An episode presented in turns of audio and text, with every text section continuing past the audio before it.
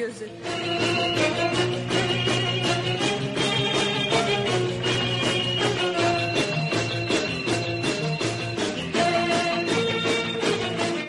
Kültür, sanat, şiir, felsefe,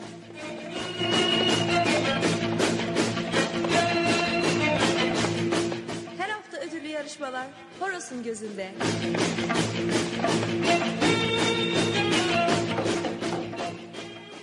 Horos'un gözü.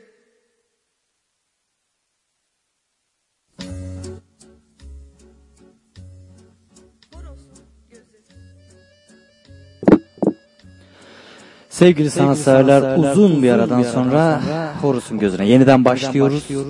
Yeni sezonda yine sizlerle daha iyi ve zengin programlar yapmak için çaba harcayacağım söz veriyorum. Ee, bugün 1 Ekim 2013 Salı. Ee, biraz heyecanlanıyorum. Ee, sahneye çıkarken bile bu kadar heyecanlanmıyorum ama radyo, radyo beni heyecanlandırıyor. Çok da hoşuma gidiyor. Ee, bildiğiniz gibi programımız her salı 8'de nostaljik müziklerle başlıyor ve 9'da 21'de Horos'un gözüyle devam ediyor. Artık bunu biliyorsunuz. Ee, bana, bana her konuda görüş, düşünce, eleştiri ve önerilerinizi lütfen ulaştırın. Ee, bana pek çok yolla iletebilirsiniz bunları. Öncelikle e, istediğim tabii ki de canlı yayınıma arayarak katılabilirsiniz. Ee, ve düşüncelerinizi bana ulaştırabilirsiniz. Bundan çok memnun olurum. Ee, sohbet ederiz. Ee, canlı yayın için numaram bu sene farklı bir numara kullanacağım. Kendi numaramı kullanacağım. Ee, 0642 60 22 60 tekrar ediyorum 0642 60 22 60 numaralı telefondan bana canlı yayına ulaşabilirsiniz. Ayrıca yine bana Horos'un gözü et emirmahmutoğlu.org mail adresinden de ulaşabilirsiniz. Bunun dışında yine Skype üzerinden ulaşabilirsiniz. Skype adım Deskemir. Ee, bunların hepsini yine e, canlı chat sayfamızda en altta linklerini göreceksiniz. Ee, sitemizde de emirmahmutoğlu.org sitesinde de yine bilgileri bu bilgileri bulabilirsiniz. Bana Facebook üzerinden, Twitter üzerinden ulaşabilirsiniz. Ee, yine görüş, düşünce, eleştiri ve önerilerinizi bana bu yollarla iletebilirsiniz. Sizleri de yayına, canlı yayına bekliyorum efendim. Ee, tabii ki de canlı yayın sayfamın sağ tarafındaki kalbime tıklayarak bana oy vermeyi yine unutmayın diyorum. O da e, ileriye dönük radyomuzun daha da popüler olmasını sağlayacak ve e, caster e, direkt e, şeylerinde listelerinde üst sıralar çıkmasını sağlayacak. Bu da bizim dinlenme oranımızı artırır. E bunun bize ne faydası var? Şöyle bir faydası olur. Kültürü ve sanatı daha fazla insana ulaştırmış oluruz. Bundan da çok memnun oluruz diyorum efendim. Şimdi bugünkü yayın akışımızda neler var? Önce bir ona bir göz atalım. Ee, öncelikle sanatın öyküsüne geçen sezondan kaldığımız yerden devam edeceğiz. Ee, bu haftaki konu başlığımız gelenek ve yenilik olacak. 15. yüzyıl İtalya'sını konuşacağız. Birazdan ee, fakat belki bir küçük bir tekrar da yapabilirim.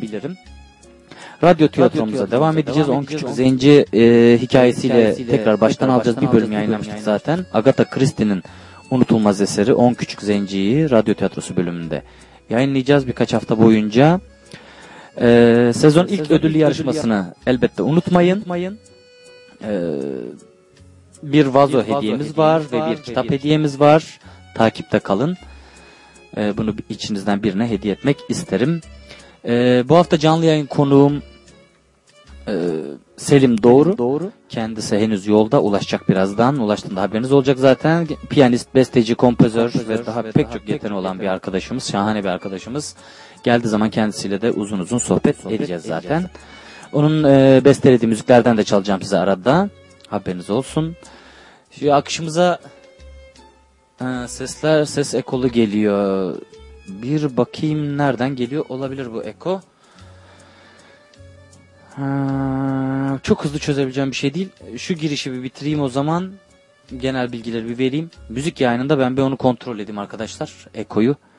Ekoların hepsi kapalı görünüyor ama bir çek edeceğim onu birazdan. Ee, bugün biliyorsunuz, biliyorsunuz 1 Ekim. 1 Ekim 2013. Ee, bugünün özelliklerine de şöyle bir göz at verelim. Bugün e, enteresan şekilde Wikipedia şöyle söylüyor. Dünya Yaşlılar Günü ve aynı zamanda Dünya Çocuklar, Günü'ymüş. Sanıyorum yaşlandıkça çocuklaşıyoruz. Herhalde onunla mı ilgili bir şey acaba diye de aklımdan geçmedi değil. Ee, 1949'da Ankara Devlet Tiyatrosu kuruldu bugün 1 Ekim'de 11 sahnesiyle birlikte. E, bu da önemli bir gelişme. Onu da detay olarak belirtelim. Ee, bugün doğanlar arasında Michael Gruber var. 1940'da doğdu Amerikalı yazardır. Ee, yine 1683'te e, Berchem biliyorsunuz e, Hollandalı ressam. Ünlü ressamlardan bir tanesi. Onun da bugün yine doğum günü 1 Ekim 1683. Ee, bugün ölenler arasında da arasında da Pierre Corneille var. 1684'te öldü. Ee, Fransız tragedyasının kurucusu kabul edilir kendisi. O yüzden onu da dedim belirtmeden geçemeyeceğim. Yine e, Fransız heykeltıraş ve sanat eğitimcisi Antonio Bordele de 1929'da 1 Ekim'de ölmüştü, vefat etmişti. Biliyorsunuz meşhur bir heykeli var onun Okçu Herakles diye. Belki bilenleriniz vardır arada. Ee, ha, bu hafta içinde birkaç şey söylemek isterim. Önemli gördüğüm için ve de çok sevdiğim bir takım insanlar olduğu için. 3 Ekim'de e, Louis Aragon'un doğumu. Fransız şair ve yazar. Çok sevdiğim şairlerden bir tanesidir. E, onu da belirt, belirtmeden geçemeyeceğim. 3 Ekim iki gün sonra. Yine 3 Ekim'de Buket Uzun, Uzuner'in, Uzuner'in e, romancı Buket Uzuner'in de doğum günü. Onu da unutmayalım. Ve 4 Ekim'de, Ekim'de biliyorsunuz Rembrandt'ın ölümü. Ve yine 4 Ekim'de Mercedes Sosa'nın Arjantinli şarkıcı Mercedes Sosa'nın da ölüm yıl dönümü. Onları da bu hafta için bir analım. Şöyle bir geçmiş olalım. Ve, ve şimdi hemen size seçtiğim e, birkaç e, ilk şarkımızı çalalım. Ben de orada şu eko işini bir kontrol edeyim. Neden yapıyor? Onu anlamaya bir çalışayım, çözmeye çalışayım. Orada da siz yeni sezon ilk yayını diye baştan başlıyoruz diyerekten Şebnem Ferah'tan sil baştan yaptım. Çok Facebook şarkısı oldu aslında. Şebnem Ferah bayıldığım bir sanatçı ama hmm, her sevgilisine küsen e, Facebook'ta sil baştan başlamak gerek bazen diye bu şarkı yayınlıyor ama e, biz öyle düşünmeyelim. Biz şöyle yapalım. Yeni sezon yeni baştan başlıyoruz diyelim. Şebnem Ferah'ı dinleyelim. Hemen peşi sıra yine karşınızda olacağım efendim.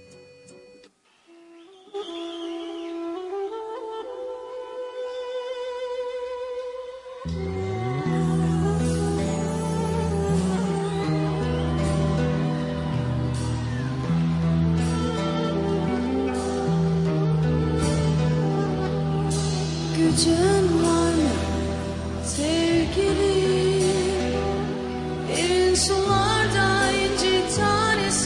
aramaya Cesaretin kaldıysa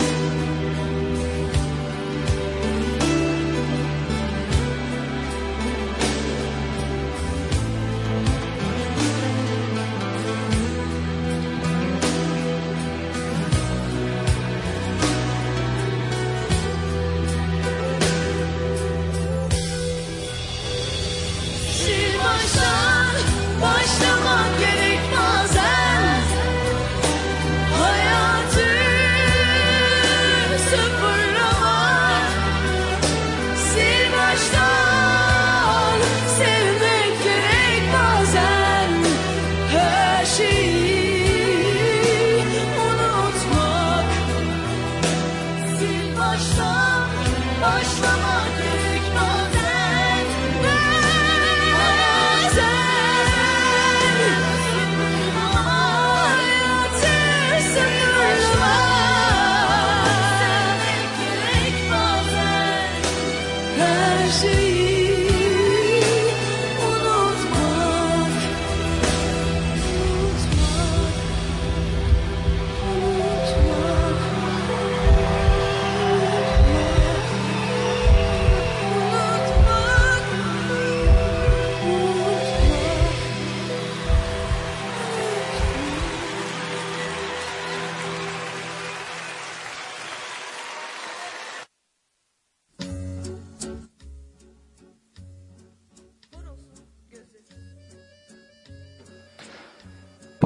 çözebildik mi?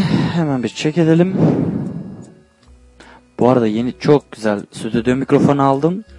Fakat kurdum her şeyi. Denemelerini yapacağım tam. tam eee, maalesef mikrofon bozuk çıktı. Onu bu hafta değiştireceğim. Haftaya çok daha kaliteli bir yayın sunacağım size. Evet hala Eko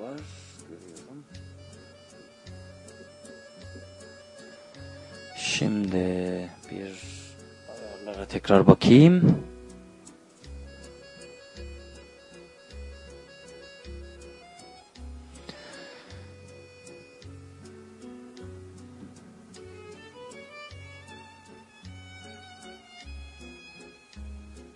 Böyle daha iyi gibi sanıyorum.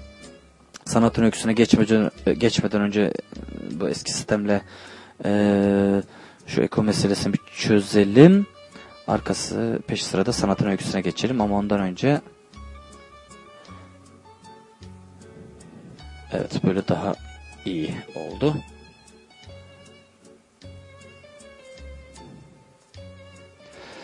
Efendim hemen keyfimiz yerine gelsin. Tanju Okan, koy koy koy desin bize. Hemen arkasından da artık sanatın öyküsüne geçebiliriz.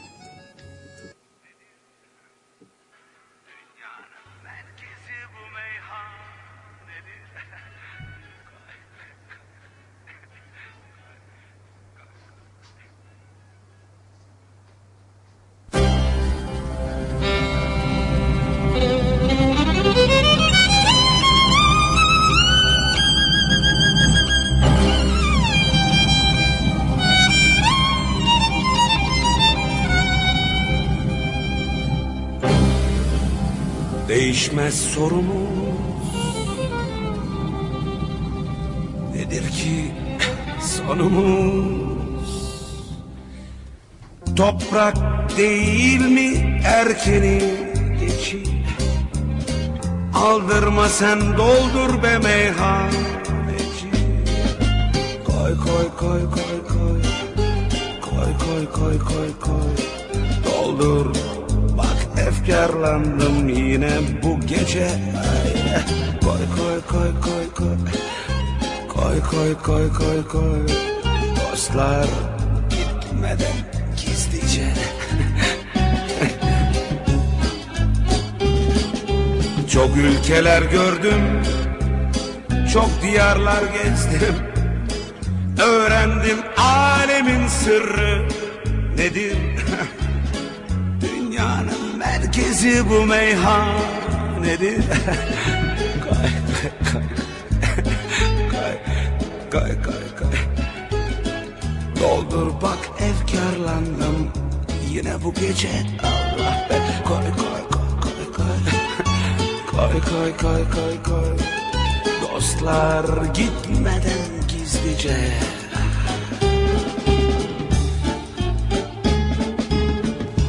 Ölürsün dediler. Dün içirmediler. Sanki sarhoş oldum bilmem neden.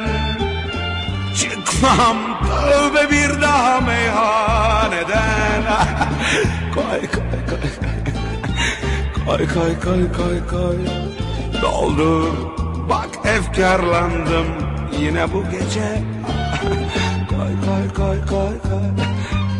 Koy koy koy koy koy Dostlar gitmeden gizlice.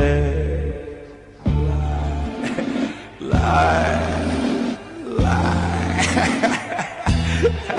Doldur kardeşim doldur ya. Meyhaneci koy. İçki koy ya. Hadi şerefine. Sağ ol beybe sağ ol ya Terk edecekler nasıl olsa biliyordun değil mi sen de Sağ ol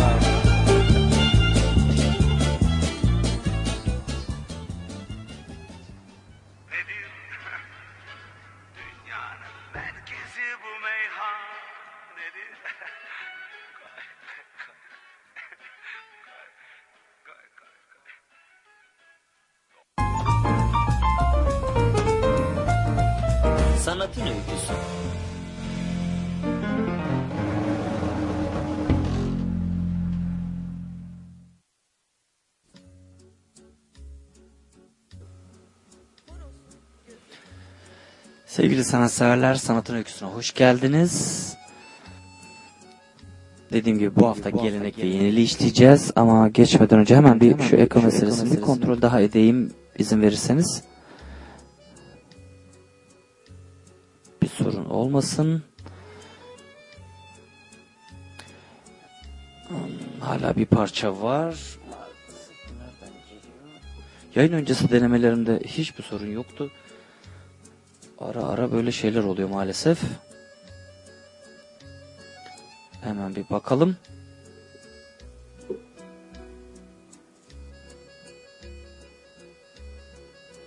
Tamam. Şimdi daha iyi gibi. Efendim sanatın öyküsünde biliyorsunuz ilk çağdan beri aldık sanatın öyküsünü. Dedik ki e, yabansı başlangıçlar dedik tarih öncesi ilkel toplulukları eski Amerika'yı biraz konuştuk. E, arkasından sonrasızlığın sanatı dedik Mısır ve Mezopotamya ve Girit'i biraz konuştuk. Hatırlarsınız. Büyük uyanış dedik Yunanistan'a baktık biraz milattan önce 7. yüzyıl 5. yüzyıllar arasına. Ee, güzelliğin dünyasına bir göz attık. Yunanistan ve Yunan dünyasına yine e, milattan önce 4. yıl ve milattan sonra 1. yüzyıl arasına bir, bir şöyle bir göz attık. Ee, sonra dedik dünyayı fethedenler bölüm başlığı yaptık. Romalılar, Budistler, Hristiyanlık biraz din işledik. Yol ayrımı dedik Roma ve Bizans'ın 5. ve 8. yüzyıllar şey o 5. ve 12. 13. yüzyıllar arasına bir göz attık. Ee, geçen sezonumuzda. Sonra biraz İslam ve Çin e, dünyasına baktık. e, döküm potasında Batı sanatı dedik. Avrupa'ya bir göz attık 6. ve 11. yüzyıllar arasına. E, Yeryüzü Kilisesi ve Göksel Kilise dedik. Yeryüzü Kilisesi'ni 12. yüzyıl e, sanatında işlemiştik. Göksel Kilise'yi de 13. yüzyıla bir bakmıştık. Sonra kısaca saraylar ve kent soylular dedik 14. yüzyıl e, ve gerçekliğin ele geçirilmesi demiştik 15. yüzyılın başları e, geçen e, yayın sezonumuzda. Bunlarla ilgili yine arada belki ufak tekrarlar yaparız. E, fakat biz kaldığımız yerden devam edeceğiz. Gelenek ve yenilik diyeceğiz. Biliyorsunuz bu bölümde bu sanatın öyküsü bölümünde e, eğer emirmahmudoğlu.org sitesini de takip ederseniz oraya bir takım görseller koydum. E, resimler oradan da söylenen şeyleri anlamak anlamında daha uygun olabilir. E, eğer arada ben yine fırsat bulursam bu fotoğrafları da tek tek Facebook'tan da size yayınlayacağım ki e, konuştuğumuz mesele daha net olsun diye. Bu konuyla ilgili söylemek istediklerinizi bana her kanaldan iletebilirsiniz. E, hem söylemek istediğiniz ek- eklemek istediklerinizi hem sormak istediklerinizi gerek Facebook'tan gerek canlı chat yayınımızdan da bana yine iletebilirsiniz. E, gelenek ve yenilik başlığını koyduk. İtalya'da 15. yüzyılın sonlarına doğru bir göz atacağız. Bu, bu dönemle ilgili İtalyan ve e, Flaman, Flaman Hollandalı sanatçıların e, 15. yüzyıl başlarında yaptıkları yeni buluşları konuşmuştuk. Tüm Avrupa'da bir canlılık yarattı demiştik. E, ressamlar ve sanat koruyucuları sanatın e, yalnızca kutsal bir öykü, öyküyü e, çok etkileyici bir şekilde anlatmaya yaramadığı ama aynı zamanda gerçek dünyanın da bir parçasını yansıtabileceği e, fikrini anladılar ve bunun cazibesine kapıldılar. Sanattaki bu büyük devrimin hemen ortaya çıkan ilk sonucu her yerdeki sanatçıların e, denemelere girişmeye ve yeni böyle şaşırtıcı etkiler e, aramaya başlamalar oldu tabii ki de.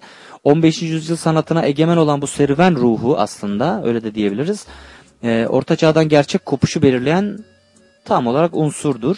Bu, bu kopuş öncelikle ele almamız gereken bir sonucu var tabii ki bu kopuşun. Ee, yaklaşık 1400 yıllarına dek sanat Avrupa'nın hemen her yerinde benzer bir gelişme gösterdi. Ee, o zamanın Fransa ve İtalya, işte Almanya, Burgonya'daki öncü ustaların amaçları birbirine çok benzer olduğu için bu dönemin gotik ressam ve heykelcilerin üslubuna da biliyorsunuz uluslararası üslup olarak adlandırılıyordu. Ee, bunu hem daha önce konuşmuştuk. Ee, oldukça da e, bilinen bir durum bu. Tabii ki tüm Orta Çağ boyunca e, ulusal farklılıklar hep var oldu. Ama bu durum e, genelde e, çok büyük öneme sahip değildi. Bu ulusal farklılıklar ve e, sadece sanat için değil kültür ve hatta siyaset içinde bu, bu durum geçerliydi. Orta Çağ'ın üniversite hocalarının tümü Latince konuşup Latince yazıyorlardı tabii ki de. E, onlara göre de Paris, Padova ya da Oxford Üniversitesi'nde öğretim üyeliği yapmanın da hiçbir farkı yoktu o dönem için söylüyorum. O çağın soyluların ortak yanı e, böyle şövalyelik e, idealleriydi. Krala veya derebeye bağlılıkları onların belirli bir halkın ya da ulusun koruyucusu olmalarında tabii ki de engelliyordu. E, ancak kentler Orta Çağ'ın sonlarına doğru e, Burjuva ve tüccarlarıyla, kent soylularıyla, tüccarlarıyla giderek e, baronların şatolarından daha önemli merkezler haline gelince ve tabii ki de bu durum yavaş yavaş değişmeye başladı. Tacirler ana dillerini konuşuyorlardı. E, kent dışından gelen bir yabancıya veya, veya e, rakiplere karşı birlik oluyorlardı. E, her kent ticarette ve sanayide kendi payı ve ayrıcalıklarıyla gurur duyuyordu ve bu üstünlükle, üstünlüklerini de bir başka kente kaptırmaktan korkuyorlardı. E, yani Orta Çağ'da iyi bir usta bir iş yerinden ötekisine gidebilir, bir manastırdan bir başka manastıra da tavsiye edilebilirdi. Fakat o ustanın milliyetini sormak hemen hemen hiç kimsenin aklına gelmezdi. E, ama kentler önem bakımından büyüdükçe bütün zanaatçı ve ustalar gibi sanatçılar da e, loncalarda örgütlenmeye başladılar. Bu loncalar e, pek çok bakımdan aslında bizim bugünkü sendikalarımıza benzerler. İşleri tabii ki de üyelerin haklarını ve ayrıcalıklarını gözetmek ve e, sağ, yapılan ürünleri ürünler içinde güvenli bir pazar sağlamaktı amaçları ve işleri. E, sanatçının bir loncaya alınabilmesi için belli standartlara ulaşabileceğini göstermesi yani gerçekte sanatın ustası olduğunu kanıtlaması gerekiyordu elbette ki. E, Ancak bundan sonra bir atölye açmasına veya bir çırak tutmasına işte ne bileyim sunak resimleri, portreler, e, sandık boyama gibi böyle dekoratif işler, bayraklar e, falan türü şeyler yapmasına ancak o zaman izin veriliyordu. Bu dönemin e, içinde bulunduğu ortamı, psikolojik durumu ve kültürel durumu anlamalıyız ki sanatın neden bu dönemde gelenek ve yenilikle e, bir harman olup farklı bir noktaya gittiğini daha iyi anlayalım diye anlatıyorum bunları size. Bu loncalar e, veya esnaf birlikleri diyelim kentin yönetiminde e, sözü geçen ve genellikle zengin olan kuruluşlardı tabii ki de. Bunlar yalnızca kentin refahına katkıda bulunmakla yetinmiyorlar ama aynı zamanda kentin güzelleşmesi için de ellerinden geleni yapıyorlardı. Floransa'da veya başka yerlerde loncalar, kuyumcular, işte yün işleyicileri, silah yapımcıları ne bileyim e, diğer iş sahiplerinden kazançların bir bölümünü kilise vakıflarına, işte lonca binaların inşasına, e, ne bileyim şapellerin yapımına ayırıyorlardı. Böylece de sanatın gelişmesine büyük aslında katkıda bulundular. Öte yandan kendi üyelerinin çıkarlarını da özenle korudular. Böylece yabancı sanatçıların iş bulmalarını, aralarına yerleşmelerini de engellemiş oldular. Ee, büyük katedrallerin yapıldığı dönemde sadece en ünlü sanatçılar bazen bu dayanışmayı bozmayı başarıyor ve dönemin izin verdiği ölçüde serbestçe de istedikleri yere gidebiliyorlardı. Ama bu sadece büyük sanatçılar için geçerliydi. Tabi bütün bu koşulların sanat tarihi üzerine etkileri oldu. Çünkü kentlerin büyümesi sayesinde uluslararası, uluslararası üslup en azından e, 20. yüzyıla ulaşıncaya kadar Avrupa'nın gördüğü en son uluslararası üslup olmuştu. E, 15. yüzyılda sanat birçok okula ayrıldı aslında. E, İtalya'da, işte e, Hollanda'da, Almanya'da hemen her kentin veya kasabanın bir resim okulu oluştu ve vardı. Okul sözcüğü oldukça farklı bir çağrışım yaratabilir ama o günlerde genç öğrencilerin derslere katıldığı sanat okulları yoktu tabii ki de.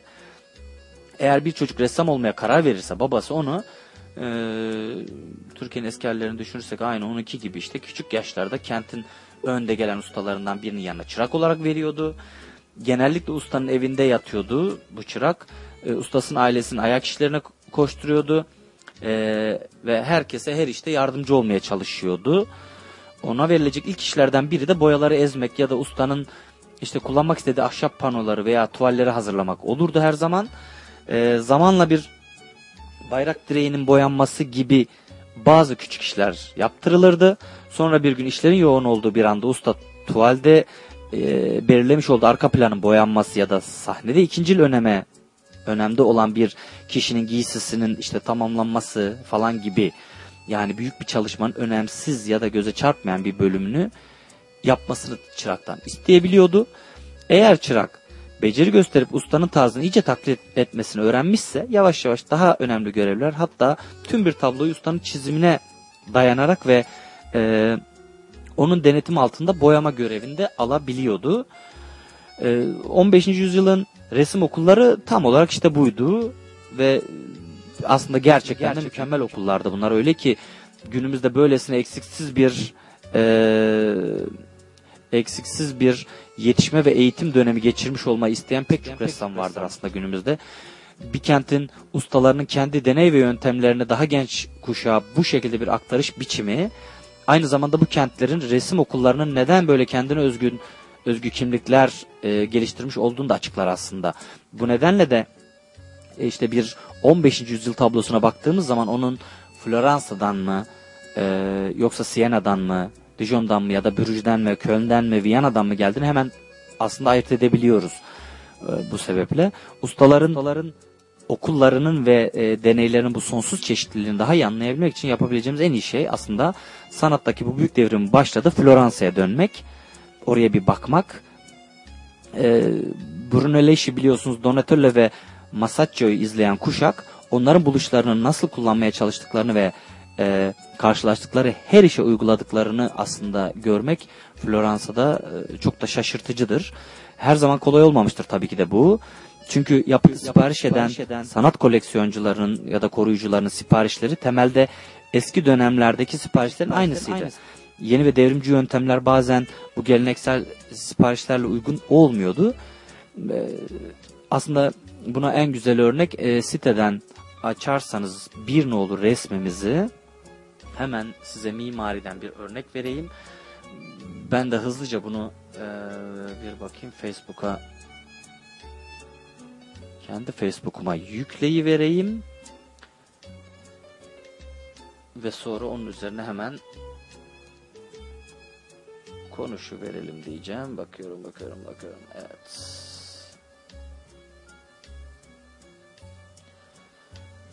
Şimdi hemen yayınlanıyor. Mimariden güzel bir örnek yapacağız. Leon Battista'nın Leon Battista Albertini'nin e, Andrea Kilisesi e, Mantova'da 1460 dolaylarında yapılmış bir eser bu. Bir Rönesans kilisesi aslında.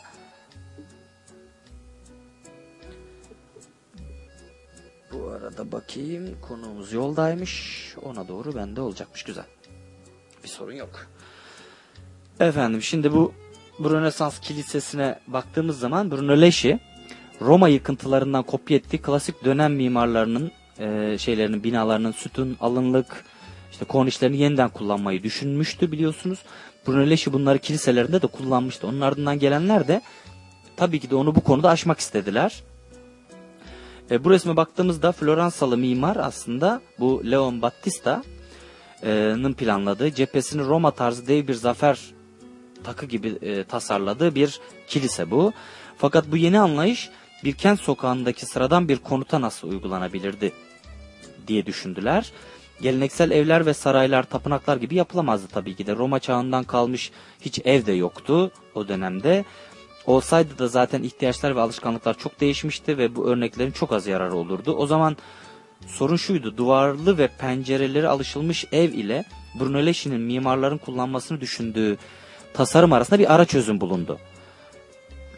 Sorunu çözmek bu şekil hall, halledilmeye çalışıldı. Günümüze değin aslında tartışma konusu olan bu soruna çözüm bulan da e, Alberti oldu. O yüzden bu Alberti'nin eserini ilk olarak koydum ve konuya aldım. E, Alberti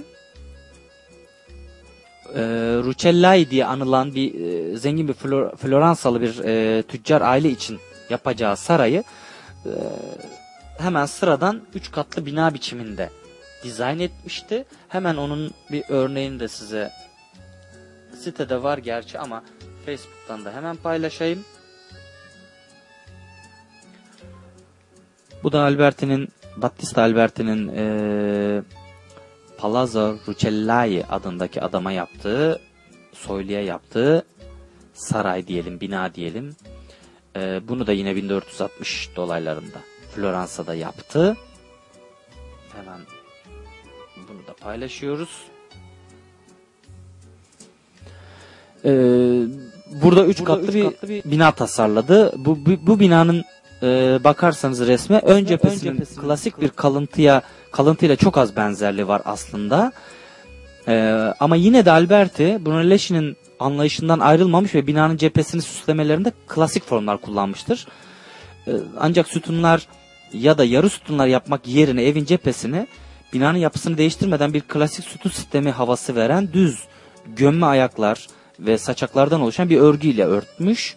Alberti'nin bu yöntemi nereden öğrendiğini bulmak kolay. Ee, farklı katlara farklı Yunan sütun sistemleri uygulanan kollezyumu daha önce konuşmuştuk hatırla, bilmiyorum hatırlıyor musunuz? E, çok meşhur. Ee, aslında oradan oradan esinlenerek bunu yapıyor her, her kata farklı şey uygulayarak. E, Rucellai Sarayı'nda da e, en alt kat dor sütun sisteminin bir uyarlaması. Burada da gömme ayaklarının arasında kemerler var. Ancak Alberti Roma, Roma formlarına dönerek eski kent sarayına modern bir e, görünüm vermiş olmasına rağmen gotik gelenekleriyle de bağlarını tam olarak koparmamış. Koparmamış. E, e, gayet anlaşılır bir şekilde. Bu açıdan, Bu açıdan- e, beklenmedik bir benzerlik keşfetmek için sadece Rucellai Sarayı'nın pencerelerini Paris'teki Notre Dame, Notre Dame'ın e, kilisesinin cephesindeki pencerelerle karşılaştırmanız yeterli. Alberti sadece e, barbar tarzı sivri kemerleri yumuşatıp klasik sütun düzeninin unsurlarını geleneksel anlamda kullanarak e, gotik tasarım klasik formlara aslında çevirmiştir. Tam olarak yaptığı budur. Alberti'nin bu buluşu da o dönemin tipik örneklerindendi ve ilkti. 15. yüzyıl Floransa'sının e, ressam ve heykelcileri çoğu zaman yeni anlayışı eski bir geleneğe uyarlamak zorunda kaldılar. Eski ile yeniyi e, gotik gelenekle modern formları karıştırmak yüzyılın ortasındaki birçok ustanın aslında tipik özelliğiydi. Yeni buluşları eski gelenekle bağdaştırmayı başaran e, Floransalı ustalar arasında tabii ki de en büyüğü e, Donatello kuşağından heykelci Lorenzo Gilberti'ydi aslında. E, hemen bununla ilgili de bir görsel paylaşı vereyim size. Efendim bir bakayım burada. Lorenzo, Lorenzo Gilberti'nin bu e, İsa'nın vaftiz edişi- edilişini anlattığı 1427'de yaptığı e, altın kaplama bronz bir e, kabartma. Bu Siena Katedrali'ndeki vaftizhanede duruyor. Oradaki vaftiz kurna, kurnasında duruyor. Hemen bunu da Facebook'tan paylaşıyorum. Dediğim gibi sitemizde zaten var bunlar. Ee, şimdi Siena'da e, tabii ki de Donatello'nun hatırlar mısınız bilmiyorum e, Salome'nin dansı'nın yer aldığı bir vaftiz kurnası var. E, bu aynı vaftiz kurnasına Gilberti'nin yapmış olduğu kabartmalardan birini e, gösteriyor bu koyduğum resim. Donatello'nun yaptığını her şeyle e, yenidir diyebildiğimiz halde Gilberti'nin ilk bakışta bizi Gilberti'ninki aslında ilk bakışta çok şaşırtmıyor bizi. E, sahnenin kompozisyonunun 12. yüzyılın e, eski e, işte dökümlerinde e, eski kabartmalarından çok da farklı olmadığını aslında görüyoruz. İşte İsa ortada yanlarda vaftizci Yahya e, bakarsanız yukarıda gökte işte baba tanrı e, ona hizmet eden melekler ve güvercin var. Gilbert'in kabartması yine de benzer çalışma olan Donatello'nun yapıtı kadar canlı ve inandırıcı görünür. E, Donatello'nun kutsal sahneyi betimlemedeki tiyatro oyununu anımsatan yeni tarzı geçmiş dönemlerin övüncü olan açık ve zarif anlatım dengelerini alt üst ederken Gilbert'i kolay anlaşılır ve ölçülü kalmaya özen gösterdi. O bize Donatello'nun amaçladığı şekilde gerçek mekan hakkında herhangi bir fikir vermez. Amacı da bu değil. Bize sadece biraz derinlik duygusu vermeyi ve e, ayrıntısız bir arka plan önünde belli başlı figürleri öne çıkarmayı tercih eder. Bu e, onun özel durumudur. Gilberti'nin e, kendi çağının yeni buluşlarını reddetmeden gotik sanatının kimi görüşlerine bağlı kalışı gibi bir başka büyük sanatçı e, olan ve Floransa yakınındaki e, neydi? Fi, Fiesole Fiesole doğru söylüyorum sanıyorum. Fiozelle'den gelen bir rahip ressam var. Fra Angelico. Ee, özellikle dinsel sanatın geleneksel kavramlarını ifade etmek için Masaccio'nun yeni yöntemlerini uyguladı. Fra Angelico e, Dominik manastırına, Dominikan manastırına sahip bağlı bir rahipti ve onun Floransa'daki kendi manastırı San Marco'da yaklaşık 1440 e, civarlarında yaptığı freskolar sanatçının en güzel çalışmaları arasında. E, Fra Angelico manastırdaki her rahibin hücresine ve her koridorun sonuna kutsal bir sahne resimledi. E, bu bu kutsal sahne resimleri çok önemli. Hemen ben size onun da bir örneğini yine Facebook'a yükleyeyim. Efendim bir bakalım. Bu yüklediğim eser Meryem'e Müjde adlı eseri Fra Angelico'nun e, 187'ye 157'lik bir eser bu. San Marco Müzesi'nde Floransa'da duruyor, sergileniyor. Efendim hemen bunu da paylaşıvereyim. Pardon. E, bu resimde e, hücre işte bu e, manastırın hücrelerinden birine yap, yapılmış ve e, dediğim gibi Meryem'e müjdeyi gösteren bir resim. Perspektifin Fra Angelico için artık bir güçlük olmadığını hemen zaten anlıyoruz resme bakar bakmaz. Meryem'in e, diz çöktüğü e, işte reva, bu avlu Masaccio'nun ünlü e, freskosundaki tonoz kadar inandırıcı bir şekilde betimlenmiş. Yine açıkça belli oluyor ki Fra Angelico Masaccio gibi duvara bir delik açma niyetinde değil. 14. yüzyılda e, Martini'nin yaptığı gibi bunu da aslında bu re- Martini resminde daha önce paylaşmıştım hatırlar mısınız bilmiyorum. O da yalnızca kutsal öyküyü bütün güzelliği ve sadeliği ile betimlemek istemiş. E, Fra Angelico'nun resminde hiçbir hareket yok gibi. Üç boyutlu bir vücudu verme çabası da yok. Ama bana sorarsanız bu resim Brunelleschi ve Masaccio'nun sanata getirdiği yeni sorunları e, derinlemesine anladığı halde herhangi bir yenilik sergilemekten bilerek vazgeçen bir büyük sanatçının çalışmasındaki aslında alçak gönüllülük nedeniyle çok çok etkilidir ve çok da önemlidir. Bu sorunlara ve zorluklara duyulan eee, tabii ki de Floransa'da bunları işleyen pek çok eee, ressam ve sanatçı vardı. Eee, bunlardan bir tanesi de eee, Paolo Uccello idi. Eee, 1475'te ölen bir ressam. Hemen onun da bir peş peşe iki resmini yayınlayacağım. Daha doğrusu bir resmini yayınlayacağım. Bir de bir resminden bir detay yayınlayacağım. Ee, İlk başta aslında iki resmi peş peşe yayınlayayım. Hemen bir saniye şuradan seçivereyim. Bu hayranlığı e, bunu dediğim gibi Uccello'nun e, eserlerinde çalışmalarında inceleyebiliriz. En iyi korunmuş olanlarından bir tanesidir bu bugüne kadar ki. Hemen yayınlıyorum bu arada. Ve bu eser National Gallery'dedir Londra'da. Canlı görme fırsatım da oldu. Harikadır gerçekten. Değişik hisler uyandırır insana. San Romano Savaşı'nı anlatır. 1450 dolaylarında yapılmıştır. Ee, ahşap üzerine yağlı boya şeklinde yapılmıştır. Ee, şöyle bir bakıldığında resim yeterince ortaçağ havasında. Evet. Öyle görünüyor. Uzun ve ağır mızraklar olan zırhlı şövalyelerin atlarını sanki bir spor yarışması yapıyormuşçasına sürmeleri de bize ortaçağın bir şövalye öyküsünü anlatıyor. Sahnenin sunuluşu bize hiç de modern gelmiyor ilk anda. İşte atlar da insanlar da biraz tahtadan gibiler. Ee, tablo tamamen orta çağ andırıyor. Bütün bu canlılığı içinde de savaşın gerçeklerinden uzak duruyor aslında. Ama kendimize, bu atların neden oyuncak atlara benzediğini, neden tüm sahnenin bir parça kukla tiyatrosunu andırdığını sorarsak eğer bu resimle resme bakarken resimde ilginç bir şey keşfedeceğiz. Bunun nedeni ressamın sanatının yeni olanaklarıyla büyülenmiş olması ve figürlerin boyanmamış sanki oyulmuş gibi mekanda ortaya çıkması için elinden geleni yapmış olmasıdır. Uccello'nun e, perspektif yasasının bulunuşundan çok etkilendiği, gecesini gündüzünü hep yeni sorunlar yaratıp perspektif kısaltım çalışmalarla geçirdiği de söylenir tarihte.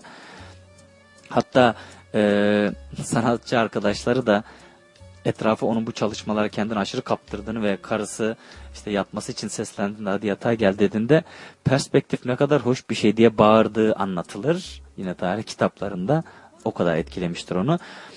Ee, onu boyunduru altına alan bu büyüden bir şeyler görebiliriz bu resimde. Ee, detaya da bakarak görebiliriz aslında.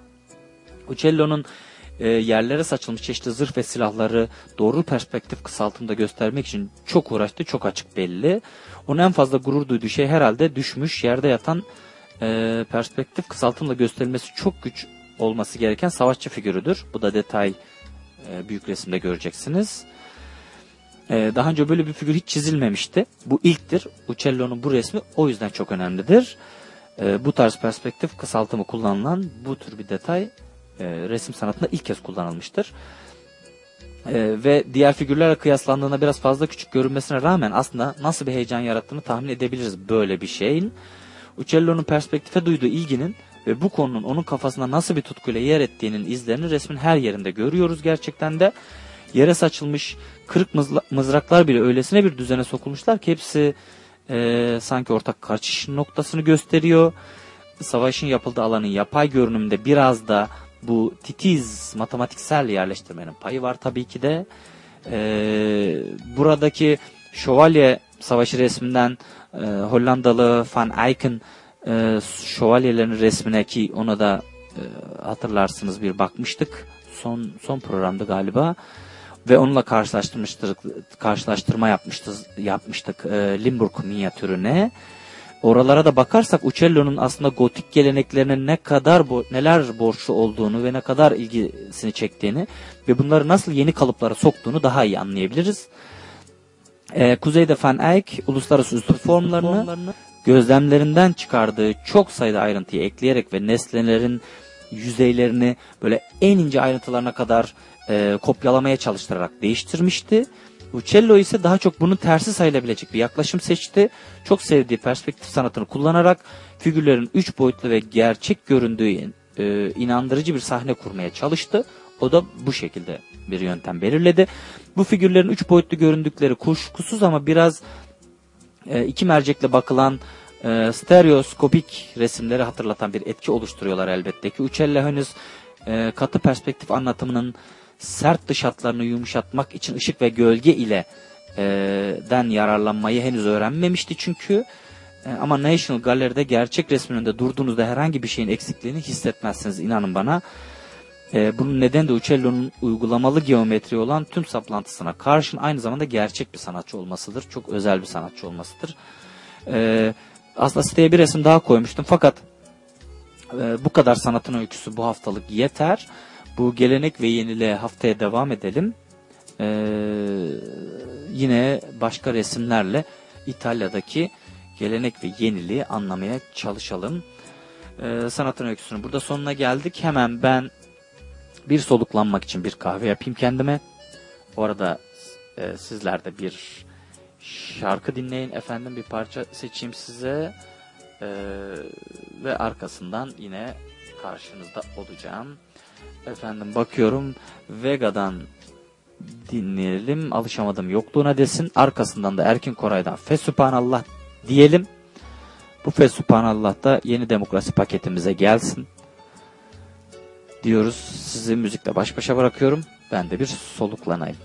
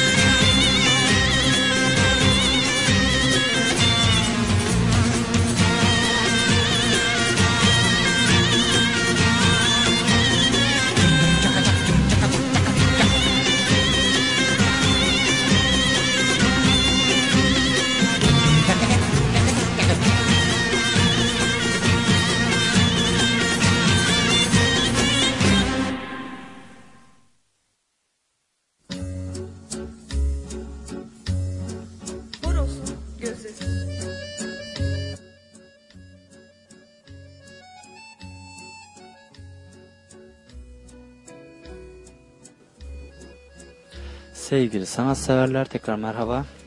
Şimdi size bir e, küçük kitap tanıtmak istiyorum. E, yeni bitirdim bu kitabı ama bir kez daha okumaya kararlıyım. Çok hoşuma gitti çünkü. E, Murat Gülsoy'un Büyü Bozumu Yaratıcı Yazarlık diye bir kitabı. Efendim bu kitabı tanıtmadan önce bir izninizi istiyorum. Konuğum gelmiş. Ben bir şarkı daha çalayım izninizle İlhan İrem'den konuğumu içeri alayım. Hazırlıklarımı yapayım. O arada sonra da kitabı tanıtmaya devam edelim. Özür dilerim bunun için. Hemen dönüyorum.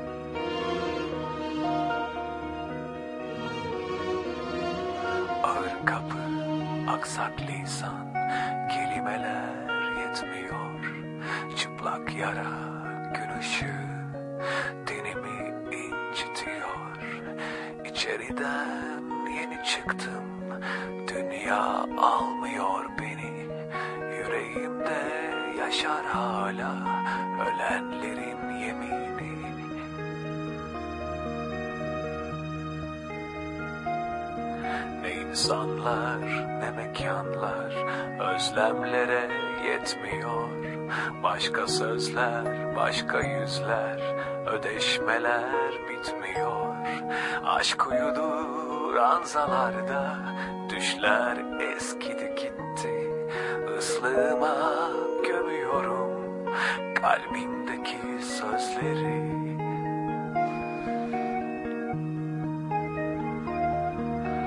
Hangi meydan, hangi sokak buluşturur bizi? Hangi yalan, hangi yasak karşılar bizi? Hangi meydan, hangi sokak buluşturur bizi? Hangi yalan, hangi yasak karşılar bizi?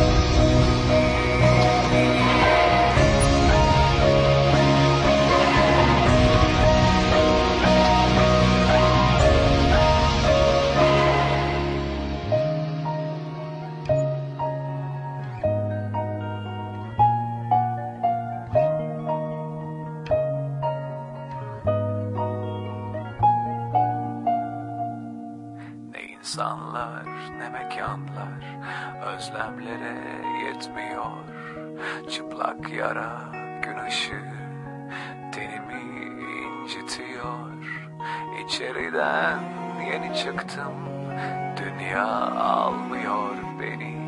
Yüreğimde yaşar hala ölenlerin yemini. Hangi meydan, hangi sokak buluşturur bizi? Hangi yalan, hangi yasak karşılar bizi? Hangi meydan, hangi sokak buluşturur bizi? Hangi yalan, hangi yasak karşılar bizi?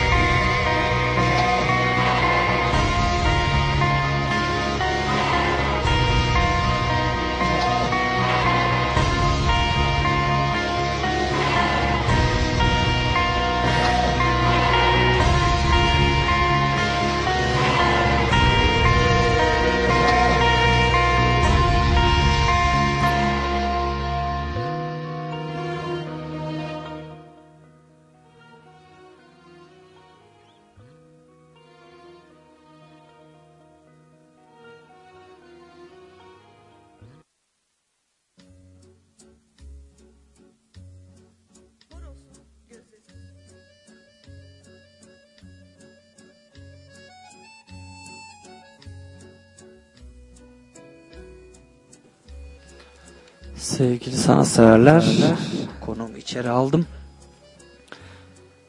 Önce ona bir hoş geldin diyelim. Daha sonra kitap tanıtımına devam ederiz. Onu bir araya bölüme sıkıştırırız. Onu hemen bir yerleştirelim. Hoş geldin diyelim. Önce bir tanıyalım kısaca sonra e, ben ona tabii ki de bir kahve ve su ikram edeyim. Koşa koşa, geldi çünkü.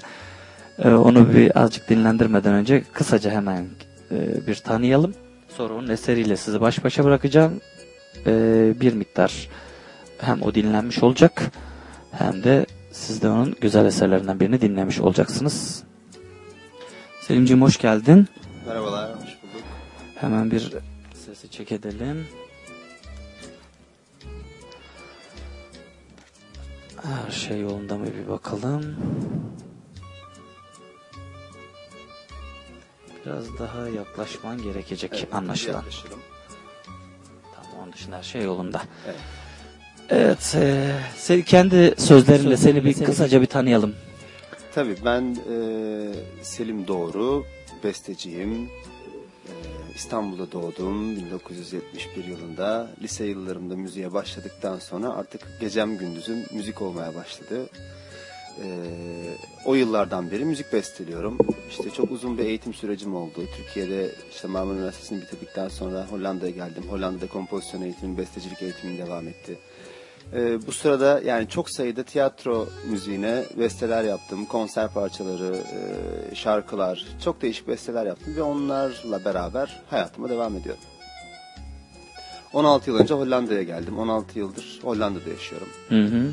Böyle bir macera. Sen o kadar yönlü bir insansın ki aslında bir programa da sığmayacak e, senin yaptığın işleri ve yeteneklerini anlatmak ama biz sığdırmaya çalışacağız biraz. Ee, sevgili dinleyiciler Selim arkadaşımız hakikaten e, çok güzel besteler olan çok çok e, yetenekli bir arkadaşımız. Tanımayanlar için söylüyorum birçoğunuz tanıyorsunuzdur onu çünkü uzun yıllardır Hollanda'da müzik piyasasının müziğin içinde e, ve hiç de öyle bildiğimiz anlamda piyasaya, iş, yapmayan, tamamen kendini sanata adamış bir adam. Ee, onu daha detaylı tanıyacağız ama önce onun bir eserini dinleteceğim size. Biz de orada bir kahve yapacağız hemen. Ee, hemen bir bakayım. Ee, Hazal Selçuk'un söylediklerinden bir tanesini seçeyim. Selim'in besteleri bunlar. Ee, bir bakalım bakalım. Bahar'ı dinleyelim mi? Yok Bahar şöyle yapalım. Rastgele'yi dinleyelim. Arkasından Bahar'ı dinleyelim. İkisini de Hazal Selçuk seslendiriyor.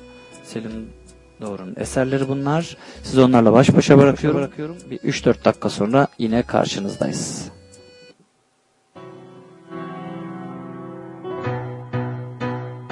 Vurgun yemiş eskiden sünger avlarken Eskiden sünger avlarken Şimdi elinde olta takanın arkasında. Rastgele, rastgele. Vurgun yemiş eskiden yola çıkarken Vurgun yemiş eskiden derman ararken. Şimdi elinde olta takanın arkasında Şimdi elinde olta takanın arkasında. Rastgele, rastgele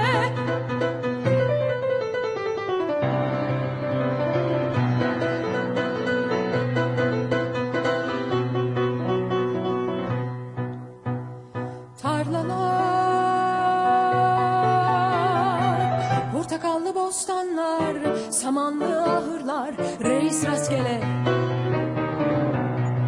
Kovanlar, toprak evler, akrepler, kazanlar, kilerler, reis rastgele.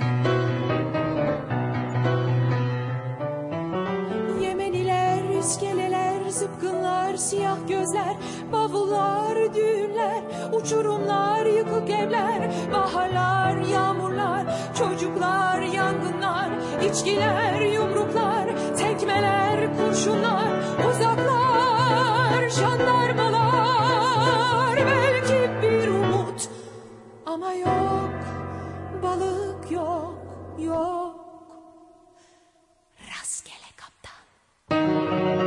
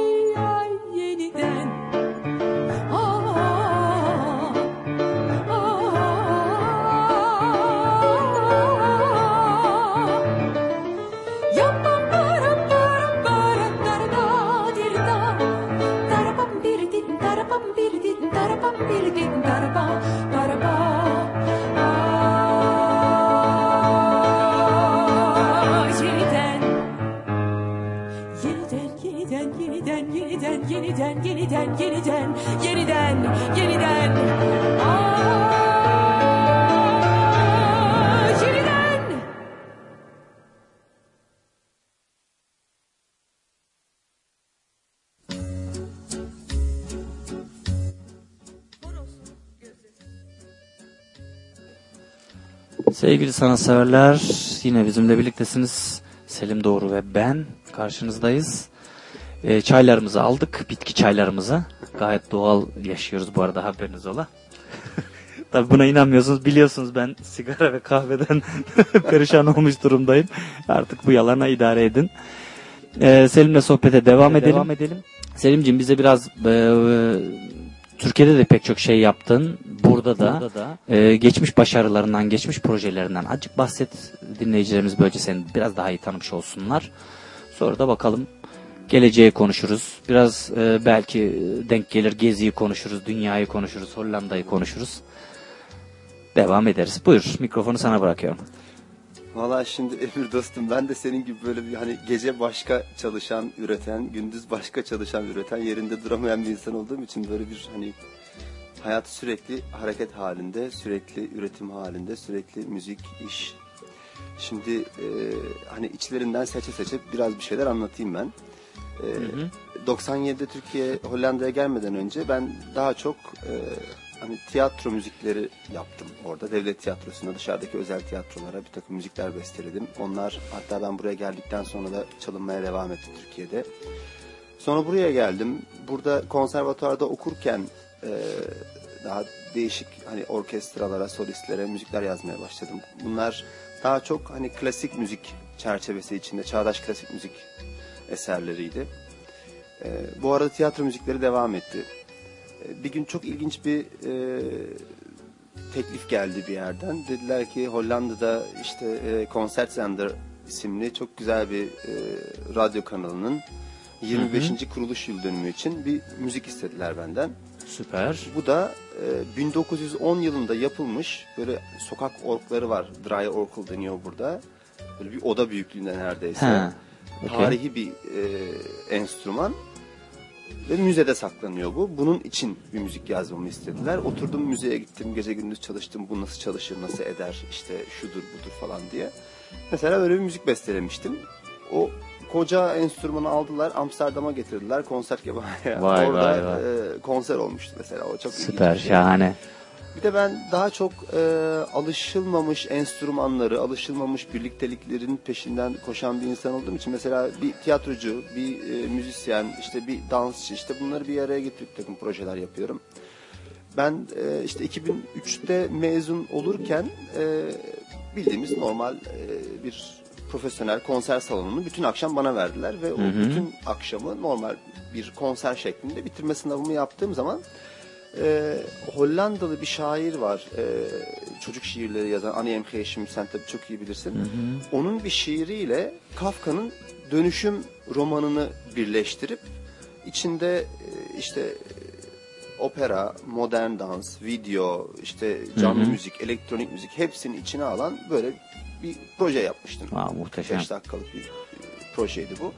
İşte hani bu da e, şu ana kadar yaptığım projelerin aslında bir e, hani bir başlangıcı gibi bir şeydi o.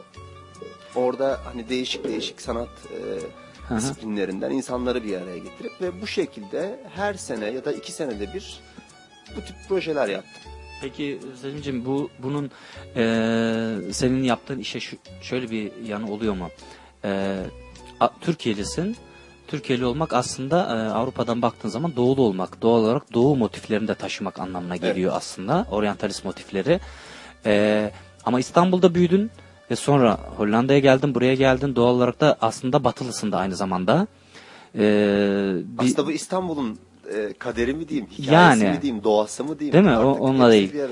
bir. E, sana nasıl etkisi oluyor peki bu durumun? Nasıl bir e, fark yaratıyor bu sanatında? Yani bu inanılmaz büyük bir zenginlik. Değil Çünkü mi? ben hani doğduğum andan itibaren e, zaten bu zenginliğin içinde doğdum büyüdüm. Doğru. Çünkü e, hani ne bileyim bizim evin bir tarafında işte cami var, bir tarafında kilise var. Dolayısıyla doğudan, batıdan hani kapta Evet, gel diyor evet. ya e, Sezen Aksu biraz onun gibi oldu. Ve hani büyürken de hani bizim çocukluğumuzda ne seyrediyoruz? TRT. TRT'de ne var? Halk müziği var. İşte Doğru. klasik Türk müziği var. E, Mustafa Kandıralı ve arkadaşları da var. Öteki taraftan da çok ciddi bir klasik müzik var orada. Evet, doğru. Yani yeri geliyor Vardı. filmlerin vardı evet yani şimdi artık köşe bucakta Yani. falan kaldı ama hani bu bildiğimiz e, Evet. konser programlarının dışında televizyonda verilen programların fon müziği olarak ya da çizgi filmlerin fon müziği olarak dünya kadar farkında olmadan klasik müzik Doğru, ve doğru. caz dinledik. Aslında dinliyoruz Ve yani. aynı doğru zamanda söylüyorsun. da müzikalleri dinledik. Çocukluğumuzdan beri. Hı hı. E, liseye başladığım zaman çok ilginç bir şey oldu. E, Faris Akarsu adlı çok ilginç, inanılmaz birisiyle çalışma imkanı elde ettim. Ve e, okul orkestrasına katıldığım zaman bir taraftan Carmen çalıyoruz, bir taraftan e, Münir Nurettin Selçuk çalıyoruz. Vay, Yani çok güzel. bir taraftan ben deli gibi Bach dinliyorum, Mozart Ha. dinliyorum. Öteki taraftan işte Semah'tı, işte Türk müziğiydi, halk Hı hı. müziğiydi, işte e, Türk bestecileriydi. Yani dolayısıyla İstanbul'da yetişmenin doğal olarak hani ben o zamanlar düşünmüyordum hadi Doğu ile Batı'yı birleştireyim de şu olsun da benim zaten hiç öyle bir derdim olmadı. Ben sürekli olarak hep içimden gelen müziği, Müziği yapayım. aynen geldiği Tabii. gibi yaptım. O artık nasıl geliyorsa Hı hı. ve hani bir yere uyar mı uymaz mı derdi hiç olmadan çünkü öyle bir dert olsa zaten hani şu ana kadar yazdıklarım değil çok başka türlü şeyler çıkardı hani ticari anlamda. Hı hı. Ee, dolayısıyla hani İstanbul'da doğup büyüyünce insan zaten hani aslında Türkiye içinde söyle, söylenebilir bu ama hani özellikle İstanbul'da doğusu da batısı da doğal olarak geliyor zaten. Doğru, doğru. Yani e, buraya geldiğim zaman mesela insanlar bazıları tabii bilmiyorlar. Yadırgamışlardı işte hani Türkiye klasik müzik, aa Türkiye'den geliyorsun Mozart Beethoven. Ya Türkiye'de öyle insanlar var ki Değil mi? inanılmaz sayıda öyle insanlar var ki Hollanda'da ya da Avrupa'nın başka bir yerinde Mozart'ı bildiklerinin bin katı kadar biliyorlar. Ya. Beethoven'ı bin katı kadar biliyorlar. Tabii hani burada yaşayanlar bilmediği için bir de şu var hani Türkiye'den geliyorsan özellikle Avrupa'ya ait olmayan renkleri ortaya çıkartmaya çalışıyorsun. Doğru. Ortak olan renkler, aa biz bunları zaten biliyoruz. Sen kendi renklerini çıkar. Ama o da benim rengim, o da benim rengim. Yani ne diye sen Avrupa'da Aslında olmayan evet, renklerimi sadece çıkartmaya çalışıyorsun? Ben az önce Ortaçağ 15. yüzyıl İtalyan sanatını anlatıyordum. Ee, orada e, sanatçılar bir e, okula gidip de ders verdiklerinde ya da bir okuldan mezun olduklarında kimse onlara nerelisin ya da hangi millettensin diye sormuyordu. Sadece sanatına bakıyorlardı. Bu sorma işi sonradan 1500'lerden sonra gelişti. Tam da oradaki şey gibi aslında o eski dönemdeki e, şey daha uygun, daha doğru bir şey. Sen işini yapıyor musun? Düzgün yapıyor musun? Güzel yapıyor musun? Seni beğeniyorlar mı? İşin özü bu. Şimdi şimdi öyle değil. Şimdi nereli olduğun yani özellikle ulus devletten sonra tabii bu iş biraz gelişti. İster istemez biz de bunlardan payımızı aldık. Bu arada dinleyicilerimizden bir tanesi aslen nerelidir Selim Bey diye sorar. Aslen İstanbul. İstanbul doğumlusun. İstanbul'da doğdum büyüdüm. Babam İstanbul'da doğdu büyüdü. Dedem İstanbul'da doğdu Yeterli büyüdü. zaten. İki- iki kuşak olsa yetiyor zaten. Ondan sonrasını. Zaten ondan sonrasını evet, e, şey yapmamız mümkün değil. Sana bir e, soluk daha aldırayım ben. Senin Paradoks adlı çok güzel bir eserin var. Dinleyicilerimize onu dinletmek isterim. E, dinleyin bakalım sevgili arkadaşlar ne hissedeceksiniz. Sonra bize yazın. Tamam mı? Hemen geliyoruz karşınızdayız. Paradoks. Thank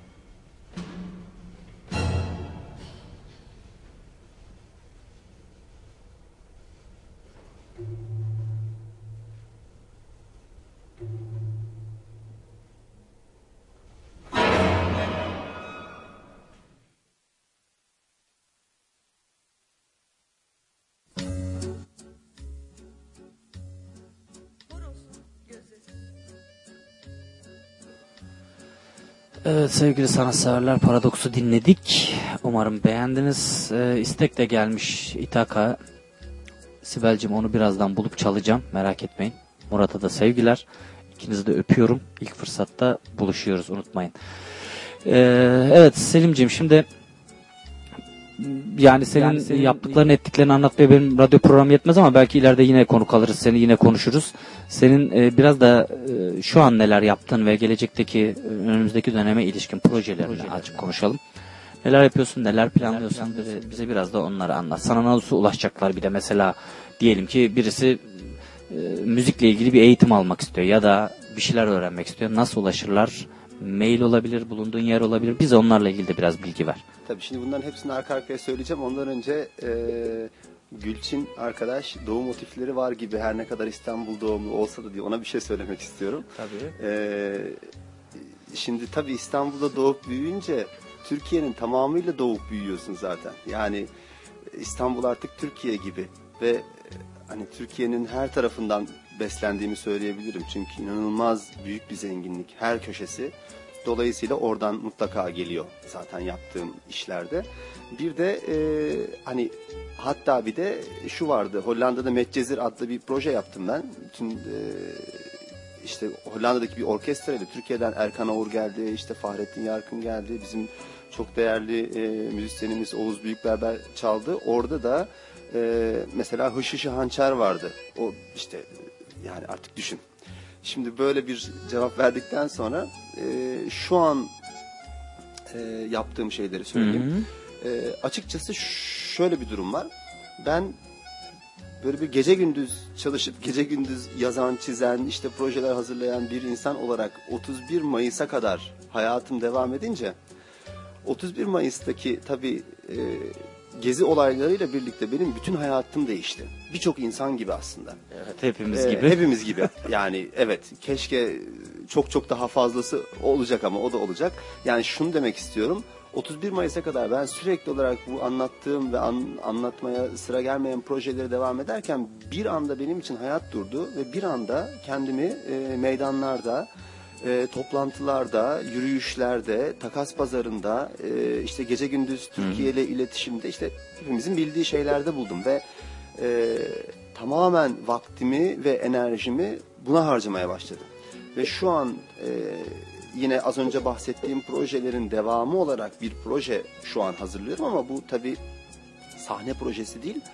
E, daha sosyal ve geziyi tamamen desteklemek üzere bütün hani zamanımı, enerjimi verdiğim bir proje.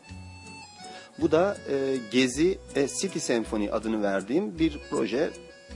Hollanda'da yaşayan, değişik şehirlerde yaşayan, şarkı söylemek isteyen, amatör ya da profesyonel olarak cidden şarkı söyleyen, öteki taraftan az ya da çok enstrüman çalan, iyi derecede amatör ya da çok profesyonel insanları bir araya getirerek Dam Meydanı'nı sahne haline getirip aslında bütün Amsterdam'ı sahne haline getirip bir Wow, e, evet şahane. yani böyle bir e, proje hazırladım. Yaz başında hazırlamıştım ben bunu. E, Haziran sonu Temmuz başı o zamandan beri bütün ayrıntıları üzerinde çalışıyorum. Bunu aslında biraz anlatmak isterim.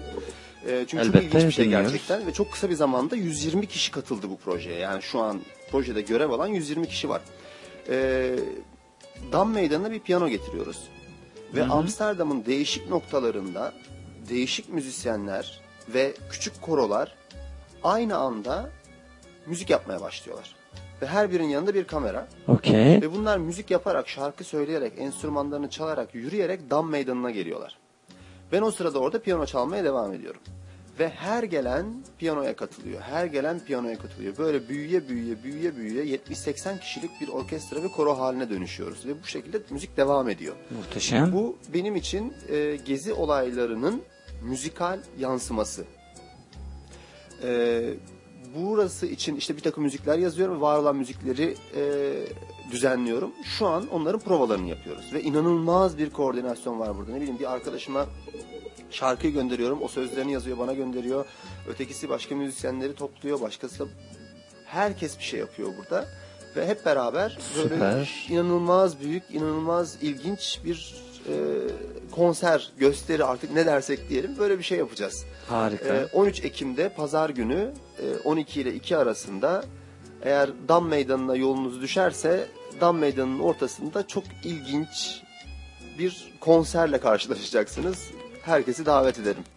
Evet buradan bütün dinleyicilerimize davet edelim. 13 Ekim'de. Ee, 13 Ekim'de bir de şeyi de belirteyim. Selim ben de destek olacağım bu projesine. Onunla birlikte olacağım. Ee, konser bittikten sonra da e, Arnhem'e gidiyoruz. Arnhem'e Evet, gidiyoruz. aynen. Ee, Aynen benim öyle. arabamda gelmek isteyenlerin emrin amade. Onu da arada belirtmiş olalım. Orada da Yılmaz Güney'i anacağız. Geziyi yine konuşacağız. Bu arada bir istek gelmişti Selim'in İtaka, eseri.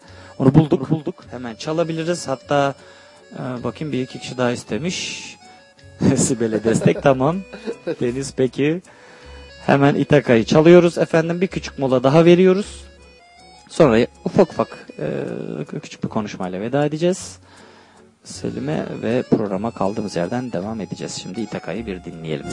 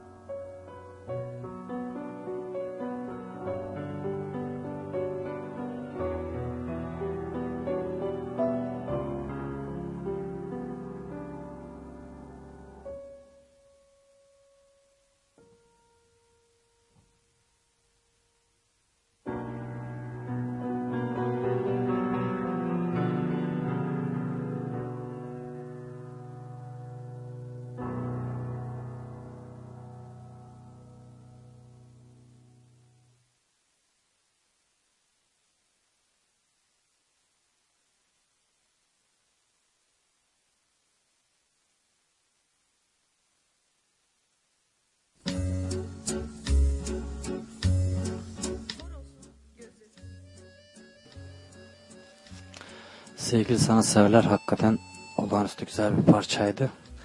Bunu ileriki programlarda yine paylaşırız tabii ki de. Selim'e elbette ki bir daha konuk edeceğim. Bu çok yetersiz çünkü ona fazla da zaman ayıramıyorum, üzülüyorum da. Evet Selim'cim son e, hem projelerle ilgili hem e, e, vermek istediğim mesajlarla ilgili son şeyleri de yavaş yavaş alalım. Ufak ufak sana teşekkür edelim. Tamam. Ee, şimdi az önce hani sorduğun sorulardan bir tanesi de şuydu. Ona, ona cevap vereyim ben. Hı hı. Hani olur da e, hani iletişim kurmak isteyen, bir şey sormak isteyen çünkü Evet, yani bir de burada e, Hollanda sosyal dayanışma ağını açmış birisi olarak hani e, yardımlaşma konusunda gerçekten herkesi e, göreve çağırıyorum mu diyeyim, daha girişken olmaya mı davet edeyim? E, Evet, inisiyatif gerçekten almalıyız artık. Evet, yani Kesin. bunu yapmamız lazım çünkü biz tabii sen de yapıyorsun, ben de yapıyorum. Biz sürekli bu sosyal dayanışma, bir araya gelme ve beraber üretme konusunda gerçekten çok çaba harcıyoruz ve herkesi buna davet ediyorum ve herkes buna katılsın, herkes birbirine yardım etsin. Ee, şimdi bu anlamda eğer hani müzikal ya da başka herhangi bir şey için bana ulaşmak isteyen insanlar, arkadaşlar, dostlar e, hani Google'a girip de Selim Doğru diye yazınca benim web sitem çıkıyor zaten. Okey. Web sitemde telefon numaram da var, e-mail adresim de var. Ee, ya da Facebook'ta Selim Doğru diye yazınca işte cover foto kuşlar olan benim oradan da bulabilirler ve hani e, mesela bana Türkiye'den de değişik değişik yerlerden sorular soruluyor. Hı İşte hı. ben Hollanda'ya gelmek istiyorum, eğitimle ilgili Okey. ne yapmam lazımdan tut da e, Doğu nereden de Erzurum'dan mı ne bir yerden e, bir arkadaş kızının müzik ödevi için araştırma yapıyor. Hı hı. Onunla ilgili bestecilerle ilgili bir şey soruyor bana. Aa, Ve ben buradan ona evet ben buradan ona e, Çok bilgi güzel. gönderiyorum. İşte yazdığı bir işte bir ödev Hı hı. hazırlıyor, tez hazırlıyor, bir şey yazıyor. Yani bir şekilde hani elimden geldiğince ben yardımcı olmaya çalışıyorum insanlara. Ne bileyim piyano der ben piyano e, dersi de veriyorum aynı zamanda. Hı hı. E, yani bununla ilgili de çok sayıda soru geliyor. Hani ben yapamasam da çünkü çok fazla zamanım olmuyor ama en azından bir şekilde hani yönlendiriyorum. Bir Tabii, elbette. bulunuyorum, bir şey yapıyorum. Bir şekilde e, yardımcı olmaya çalışıyorum. Bu dersleri Aslan Müzik'te mi veriyorsun? Yani Aslan Müzik'te Belirtelim onu. pazartesi, salı, çarşamba günleri orada e, akşamları ders veriyorum. Hani gerekirse sana oradan da ulaşabilirler. E, oradan tabii tabii oradan da ulaşabilirler. Bir bu arada Biz sitenin tam şeyini de buradan biz bir tekrar edelim. Tabii, Google'dan bulurlar ama. selimdoğru.com. Tamam. En gayet kolay Evet, şekilde selimdoğru.com. selimdoğru.com. Evet oradan da istedikleri gibi ulaşabilirler. Anladım. Selim'ciğim sana çok teşekkür ediyorum. Ben çok Sezonun teşekkür ilk programına İlk konuk programına. oldun. Harika çok müziklerini dinledik. Güzel sohbetler Evet, ettik. Bunu tekrarlayalım. Tabii ki. Daha Zevkle. uzun konuşmak isterim seninle. Maalesef sana kısa zaman ayırabildim. Kusura bakma artık. E, Her zaman zaten kısa. Zaten. Onun Doğru. için senden sohbet sabaha kadar devam eder. Yetişiyoruz, yetişmeye çalışıyoruz her şey işte. Ancak o yüzden böyle oluyor kısa kısa idare ediyoruz. Sana şimdiden iyi geceler diliyorum. Sevgili dinleyiciler, kaldığımız yerden devam edeceğiz. Selim'e teşekkür ediyoruz. Efendim, hemen bir şöyle yapalım. Ee, çok geciktirmeden hemen Agatha Christie'nin 10 Küçük Zenci eserini, radyo tiyatrosunu e, bir ilk bölümünü hemen yayınlayalım. yayınlayalım. Ee, arkasından yine karşınızda olacağım efendim. Radyo tiyatrosu.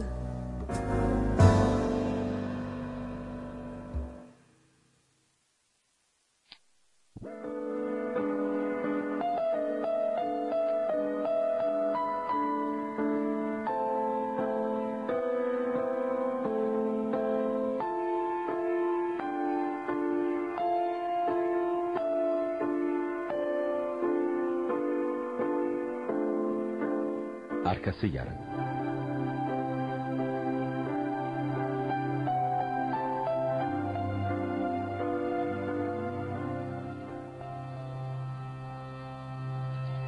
Küçük Zenci.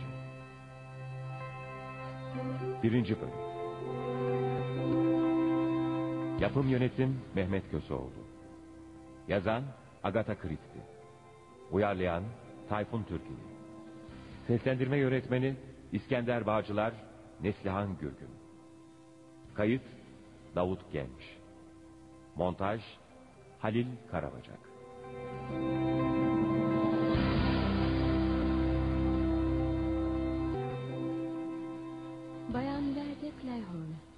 Adresinizi iş bulma kurumundan aldım. Sekreterliğimi yapmanızı istiyorum. İstediğiniz ücreti ödemeye hazırım. 8 Ağustos'ta işe başlayacağınızı ümit ederim. Saat 12.40'da Paddington'dan kalkan trene binecek olursanız Oak Beach istasyonunda karşılaşacaksınız. Ve oradan Zenci Adası'na götürüleceksiniz. Yol masraflarınız için size 5 sterlinde yollamış bulunuyorum. Sevgilerimle. Bayan Owen. Allah'ım şükürler olsun sana. Sonunda bir iş bulabildim. Bugün ayın kaçıydı? E, altısı evet. Hazırlanmam için önümde bir gün var.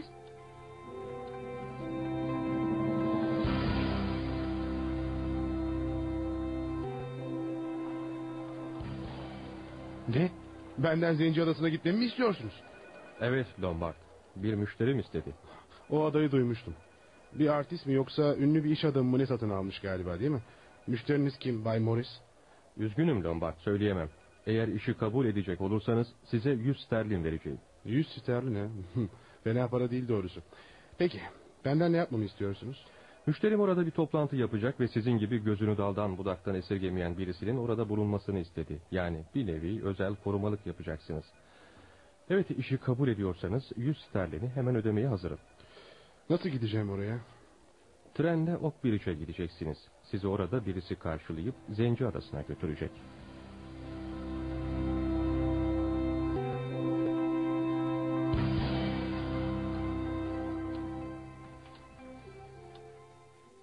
Muhterem Miss Brent, ümit ederim ki beni hatırlarsınız.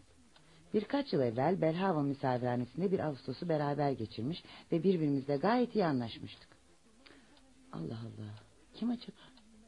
Neyse okumaya devam edeyim. Devon sahillerindeki Zenci Adası'nda bir misafirhane açtım. Civarda çıplaklar ve gramofon meraklıları bulunmayacak. Sizin ne kadar dindar biri olduğunuzu biliyorum. Bu yüzden tatilinizi misafirhanemde geçirmenizi istiyorum. Mümkünse 8 Ağustos'ta Zenci Adası'na gelin. Size tren biletinizi gönderiyorum. Birisi istasyonda karşılayıp adaya götürecek sizi. İmza ne ne o. Allah Allah. Kim bu ne ne o acaba? Berhaven'da kimlerle tanışmıştım şöyle bir düşüneyim bakayım. Aa, evet. Hah, hatırladım. Oliver adında bir kadın vardı. Evet evet mutlaka o olacak bu kadın. Eh, madem davet ediyor. Adada çıplaklar da yok. Neden gitmeyeyim? Ayrıca para da vermeyeceğim. Bedava hem de.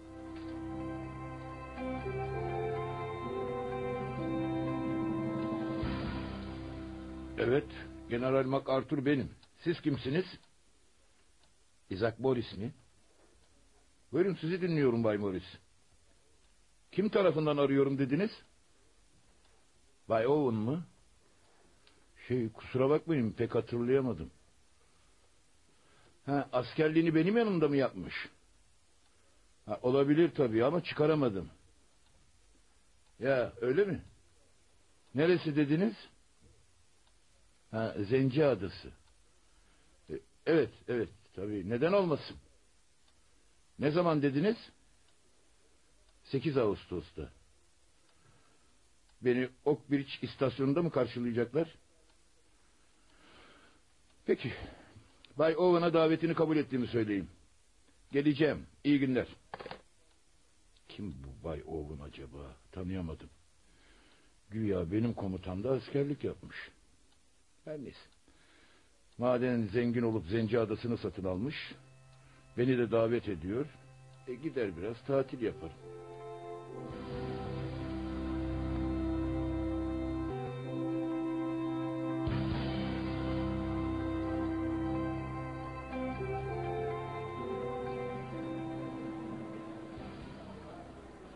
Doktor Armstrong, Evet hemşire. e, az önce size bir telgraf geldi. Buyurun efendim.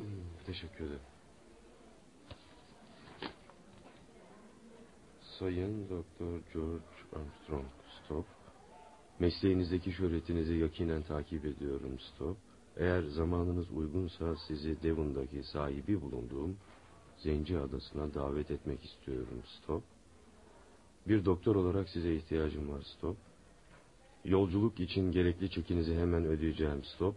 8 Ağustos'ta bekliyorum imza Bay O. Harika bir şey bu. Ne oldu doktor? Zenci Adası'na gidiyorum hemşire. Ne zamandır o adayı ve sahibini merak ediyordum. Birkaç gün hastalarıma randevu vermeyin. Peki doktor.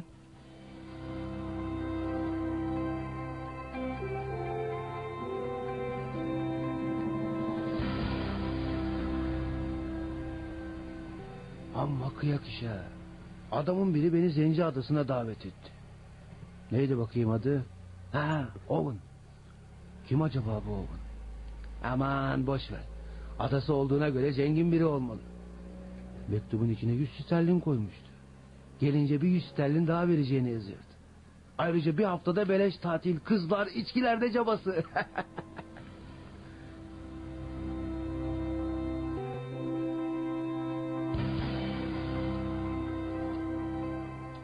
Kolay bir iş olacağı benziyor. Bay Morris bir hafta için 100 sterlin verecek. Bütün yapacağım eski bir polis şefi olarak Zenci Adası'na gelecek olan misafirlerinin güvenliğini sağlamak. Ee, benim gibi emekli bir polis için de 100 sterlin iyi para. Bay Morris müşterisinin malikanesinde benimle birlikte üçü kadın on kişi olacağını söyledi. Ha, en önemlisi de kim olduğum bilinmemeliymiş. Ee, oradakilere kendimi ne diye tanıtacağım peki? Tamam buldum. Davis diye tanıtırım. Bavulumu hazırlayıp Oakbridge trenine bineyim.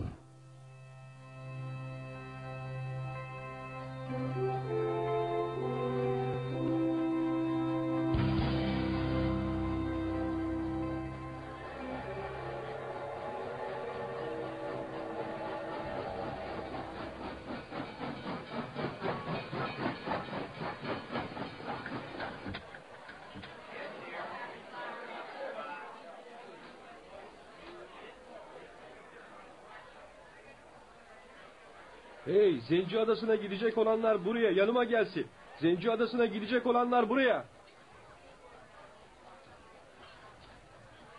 E, Ben Zenci Adası'na gideceğim.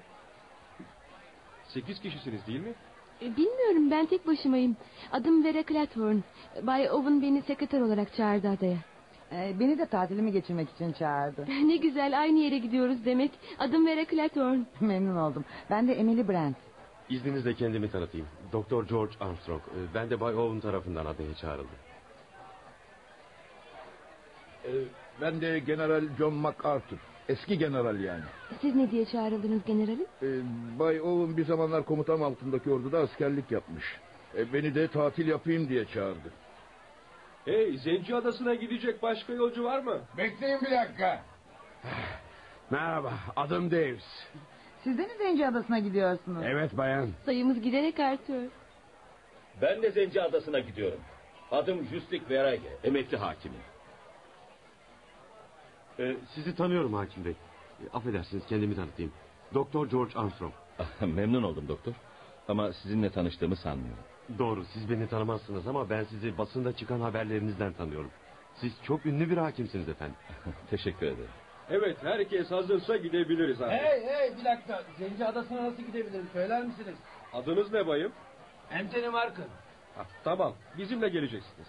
Ben de gelebilir miyim sizinle ben de? Zenci Adası'na mı? evet ben de davet edildim oraya. Adınız ne efendim? Lombard, Philip Lombard. Buyurun bizimle gelebilirsiniz. Zenci Adası'na nasıl gideceğiz bayım? Adım Fred Narakot. Adaya sizi motorumla götüreceğim.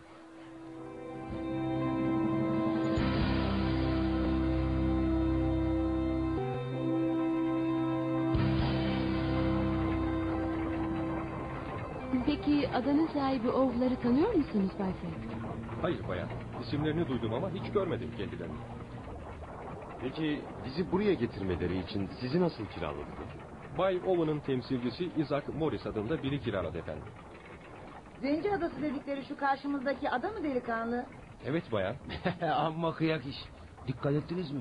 Adanın görüntüsü kalın dudaklı bir zencinin yüzüne benziyor. Herhalde bu yüzden adaya Zenci Adası adını takmışlar. Fazla büyük bir ada değilmiş. Evet ama hırçın dalgaların arasında korku filmlerindeki mekanlara benziyor. Ya. Heh, işte geldik. İnebilirsiniz. Dikkat edin deniz dalgalı. Düşmeden çıkın iskeleye. İyi ama neden kimse bizi karşılamadı? Bay Thomas'la karısı evde efendim. İki gün önce de motorumla onları getirdim buraya. Ya, kimmiş onlar? Bay Thomas evin uşağı, karısı Etel'de hizmetçi. Bu iyi işte. Karnım acıkmıştı. Herhalde yiyecek bir şeyler verirler.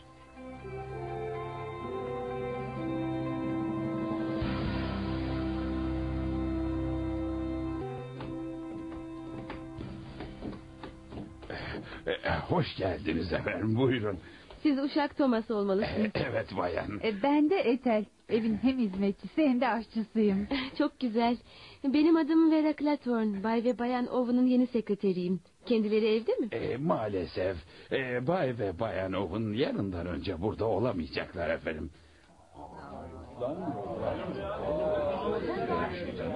Ama emirlerinizin yerine getirilmesi için gerekli talimatları bana mektupla verdiler efendim. Yemek kaçta yeniyor Bay Thomas? E, sekizde efendim.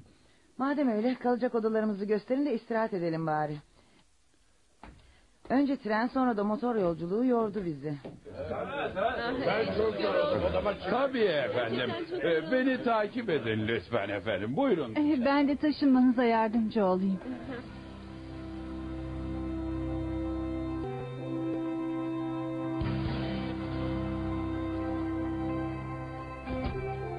E, Buyurun Bayan Vera. Odanız burası efendim. Hmm, Güzel odaymış. İçinde her türlü lüksü var. Bu evde sen ve kocandan başka kaç kişi kalıyor Ete? Bizden başka kimse çalışmıyor Bayan Vera. Kocam ve ben de iki gün önce geldik buraya. Öyle mi?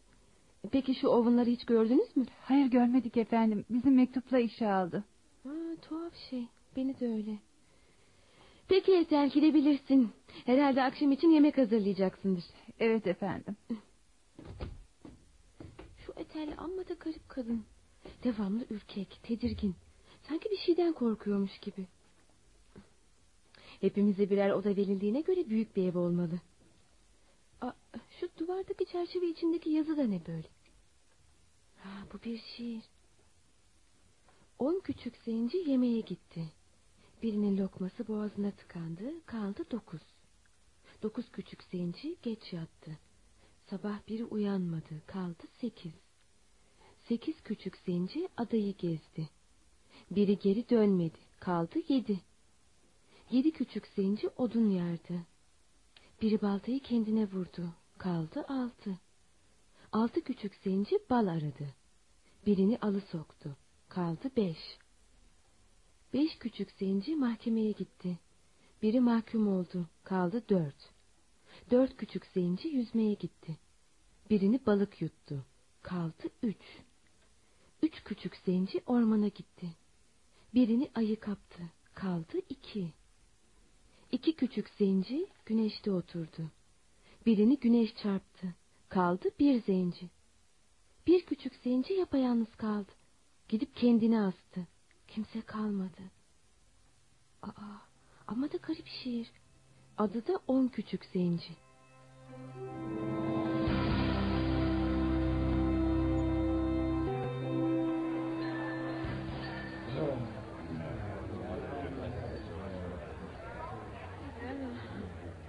Bence Bay ve Bayan Owen'ların yaptığı çok kaba bir şey. Hem bizleri davet ediyorlar hem de evde bulunmuyorlar. Haklısınız Bayan Emily. Yani bana çektikleri telgrafta muhakkak gelmemi istemişlerdi. E ben de doktor olarak bana ihtiyaçları olduğunu sanıp hemen kalkıp geldim. Siz Owen'ları tanıyor musunuz doktor? Şey hayır bana yazdığı mektupta şöhretinizi işittim size ihtiyacım var diye yazmıştı. Peki siz tanıyor musunuz o bunları hakim bey? Eh, şey e, doğrusu tanıdığımı pek söyleyemem doktor. Güya yıllar önce onunla ilgili bir dava hakkında beraat kararı vermişim. İlginç. İçinizde ev sahiplerimizi tanıyan kimse var mı? Ne yani? Bizleri buraya davet eden Bay ve Bay Owen'ları hiç kimse tanımıyor mu? Ben sekreterim doktor. Adresimi iş bulma kurumundan aldığını ve acilen bir sekretere ihtiyacı olduğunu yazmıştı. Hmm, Peki siz Bayan Emily, siz de mi onu tanımıyorsunuz? Hayır. Daha doğrusu kim olduklarını hatırlayamadım. Ama hanımı beni tanıyormuş. Yıllar önce Belhava misafirhanesinde bir Ağustos'u beraber geçirmişiz. Orada tanışmışız kendisiyle.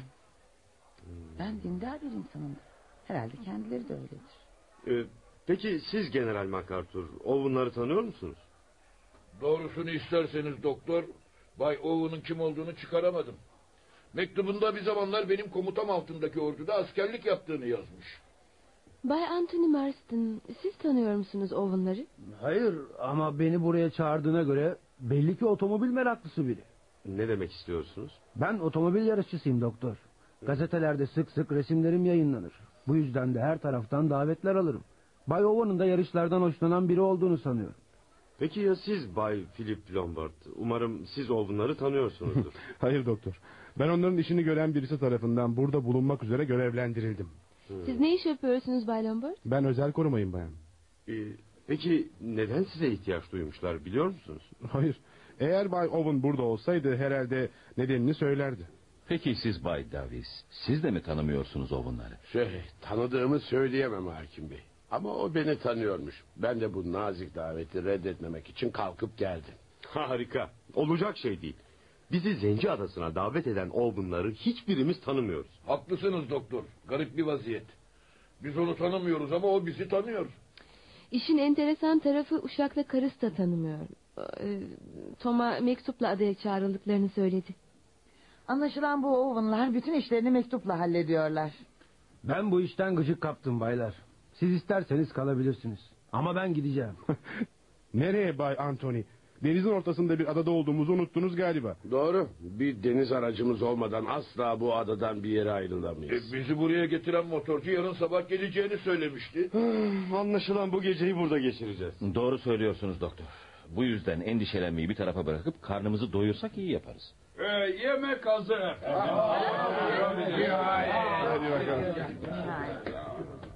Aa, bunlar da ne böyle? Hangileri Bayan Emily? Şu sehpanın üstündeki biblolar. Zenci değil mi o biblolar? Evet, on tane hem de. On tane mi? Ah, şimdi hatırladım. Masaldan alınan şiirdeki on küçük zenci bunlar herhalde. Benim yatak odamda şöminenin üzerinde çerçeve içinde asılı bu şiir. Evet evet. Benim odamda da asılı aynı şiir. Ha, şimdi hatırladım. Benim odamda da var. Aa, hepimiz odasında var herhalde. E, bunun bir anlamı olmalı bence. Ne demek istiyorsunuz general? Bilmiyorum. Ama içimden bir ses bu şirin ve zenci bibloların başımıza bir iş açacağını söylüyor bana.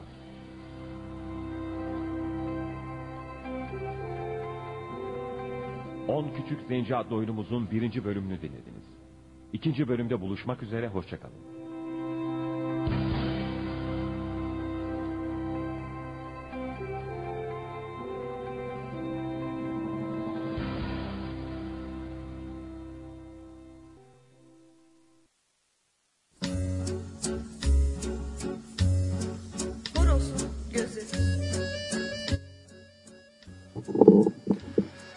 Sevgili sanatseverler geldik ödüllü yarışmamıza. Şimdi ben size bir filmden bir film müziği çalacağım. Ee, daha önce geçen sezon biliyorsunuz e, filmlerden parçalar, e, konuşmalar, replikler çalmıştım. Onları sormuştum. E, bu sene biraz karışık yapacağım. Bir, film müziklerini çalacağım. İki, bazen bazı haftalar yine filmlerden parçalar çalacağım ama bu sefer e, nostaljik filmlere devam edeceğiz ama sadece Türk filmleri olmayacak. Araya yabancı filmlerde sokuşturmayı düşünüyorum birkaç tane. Bakalım zamanla yeni yeni sürprizler göreceksiniz. Şimdi çalacağım film müziği e, soundtrack'in hangi filme ait olduğunu soracağım. Çok kolay muhtemelen bileceksiniz. E, bir, bir dakika 30 saniyelik bir şarkı bu. E, cevabınızı, Cevabınızı bana, bana herhangi her- bir yolla ileteceksiniz. İster mesaj atın, ister telefon edin, canlı yayında söyleyin. İsterseniz Facebook'tan yazın, isterseniz Twitter'dan yazın, Skype'tan yazın. Ne bileyim ben bütün iletişim yollarını kullanabilirsiniz. Hiç fark etmez. Aranızdan rastgele birine e, resmini Facebook'ta görmüş olduğunuz e, vazoyu hediye edeceğim. Bunun yanında, bir tane de kitap hediye edeceğim. Bu kitabı nasıl yapacağız? Şöyle ki emirmahmudoğlu.org sitesinde e, Horos'un Kütüphanesi diye bir bölüm var. E, oraya girerseniz orada bir 50-60 kitaplık bir liste var. E, bana gelen bağışlardan oluşan bir liste. Bu e, gittikçe de artıyor. Yeni yeni kitapları da ekleyeceğim oraya e, bu hafta. E, bu kütüphaneyi geçen yıl başlatmıştık biliyorsunuz. Gittikçe de genişleyecek. Oradan herhangi bir kitabı da istediği herhangi bir kitabı ismiyle bana kazanan kişiye de e, bir daha sonra bildirirse o kitapla birlikte resmini gördüğünüz vazoyu hediye edeceğim. Şimdi gelsin yarışma sorumuz. Bakalım, hangi filmin soundtrack'ı bu? Ee, dediğim gibi bana herhangi bir yolla ulaşın.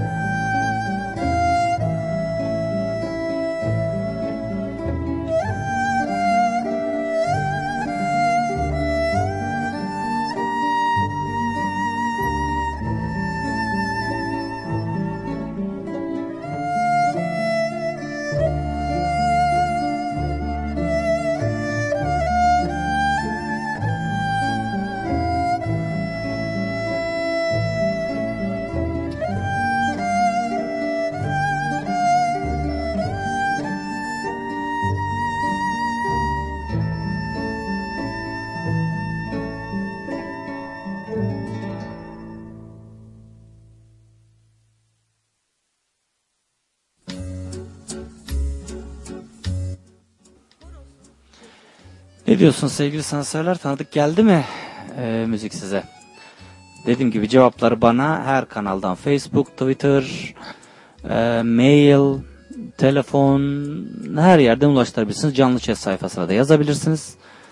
E, aranızda bir kişiye vazoyu ve kitabı hediye edeceğim. Bu arada yarım kalmıştı. Hemen e, Selim geldiğinde e, sohbetimiz araya girdi. Bir kitap tanıtıyordum size. Ona devam edeyim bu arada. E, Murat Gülsoy'un Büyü Bozumu Yaratıcı Yazarlık kitabı. E, alt başlığı da Kurmacanın Bilinen Sırları ve İhlal Edilebilir Kuralları adlı bir kitap. Can yayınlarından çıkmış. Bendeki elimdeki kitap 5. baskı. Ee, bakayım birinci baskı 2004 yılında çıkmış. Çok güzel bir kitap. Bu kitap yazarlık serüveninin e, dikenli yollarını anlatıyor aslında. E, nasıl yazar olunur ya da yazar e, hikaye yazarken, kurmaca öyküler yazarken nelerle karşılaşıyoruz, ne oluyor'yu anlatan bir kitap. Size içinden kısacık bir bölüm okuyayım, bir paragraf sadece ilginç bir e, paragraf olduğu için okuyacağım. E, der ki Murat Gülsoy, Yazma ya da yaratma süreci her zaman merak konusudur. Biraz cinselliğe benzer.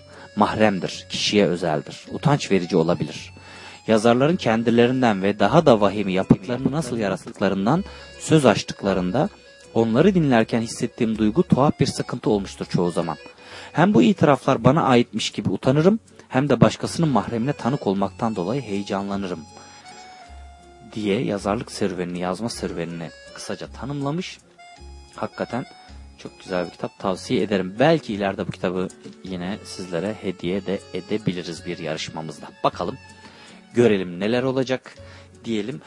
Ee, bir ufak istek vardı hemen onu da çalalım isterim. Ee, bakayım Ezgi'nin günlüğü istemişti bir arkadaş. Ezgi'nin günlüğünü dinleyelim. Ee, hemen peş sıra arkanızda e, karşınızda olacağım. Bu arada e, aslında e, çok bi- az önceki yarışmamızdaki müzik çok bilinen bir sahnenin müziğiydi. E, onu nasıl size ipucu verebilirim? E, Birkaç cevap geldi ama bunlar doğru cevaplar değil maalesef. Ee, şöyle bir ipucu verebilirim. Bu müzik çok tabii ki de duygusal bir anın haliyle filmdeki duygusal bir anın müziği ama şöyle bir sahnede bu müzik çalıyordu. Hatırladığım sahnelerden biri birkaç yerde çalıyor ama filmin içinde. Bir tanesi şöyle bir şey.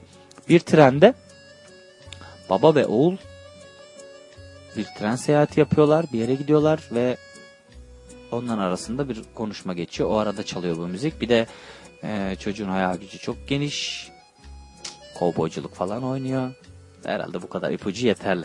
Şimdi Ezgi'nin günlüğüyle baş başa bırakıyorum sizi. Hemen peş sıra karşınızda olacağım efendim.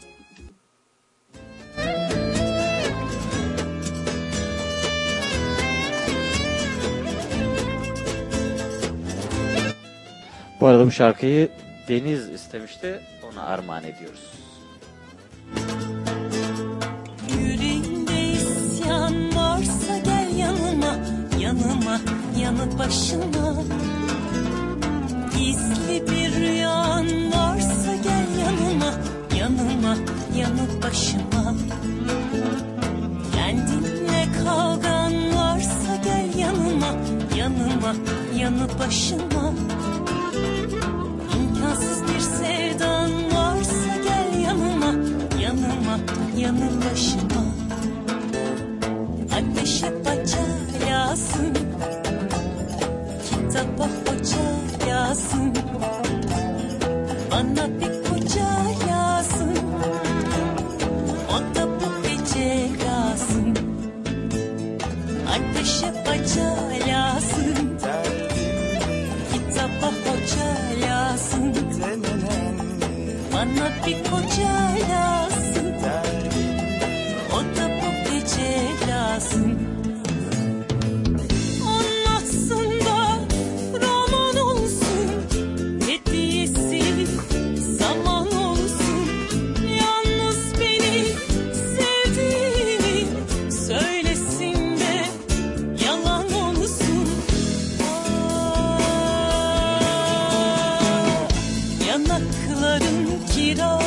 she.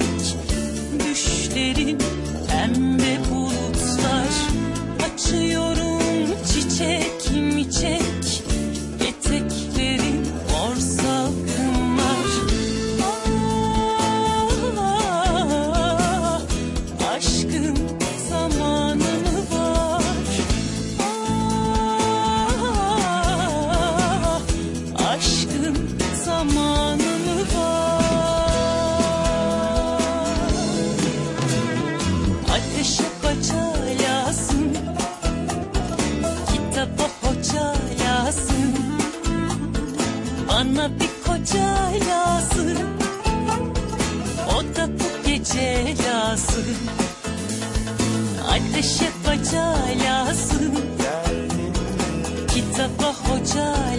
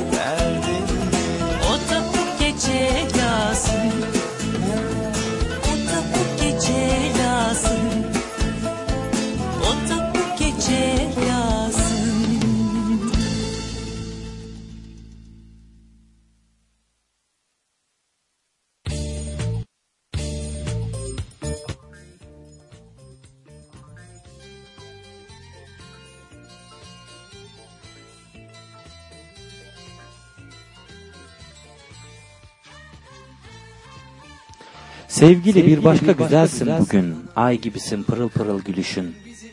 Güzeller bayram günleri süslenir. Seninse bayramları süsler yüzün. Yok olmamış varlık mı var pek bir tek? Her şey bir gün dağılıp gidecek. Öyleyse vara yoğa ne bakarsın? En iyisi yoku var, varı yok bilmek. Demiş Ömer Hayyam. Ufak bir şiir molası demiş olalım. Ee, efendim İlhan İrem'le devam edelim. Ondan sonra yavaş yavaş sizlere veda edeceğim. Ama bir yarım saat kadar daha yayındayım bilesiniz. Ee, müzik yayınlamaya devam edeceğim. Seçtiğim müzikleri bir yarım saat 40 dakika daha çalacağım. Ama arada da yine sohbet edeceğiz elbette ki. İlhan İrem Yıllanmış Şarap'la devam ediyoruz.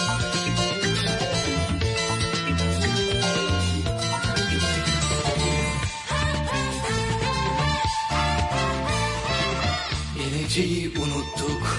Anılar da bitiyor.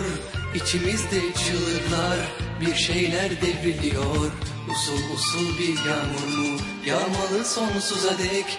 Yoksa bir sevgi Bir anda sürüklenmek. Karanlık bir kuyuya taş atar gibi.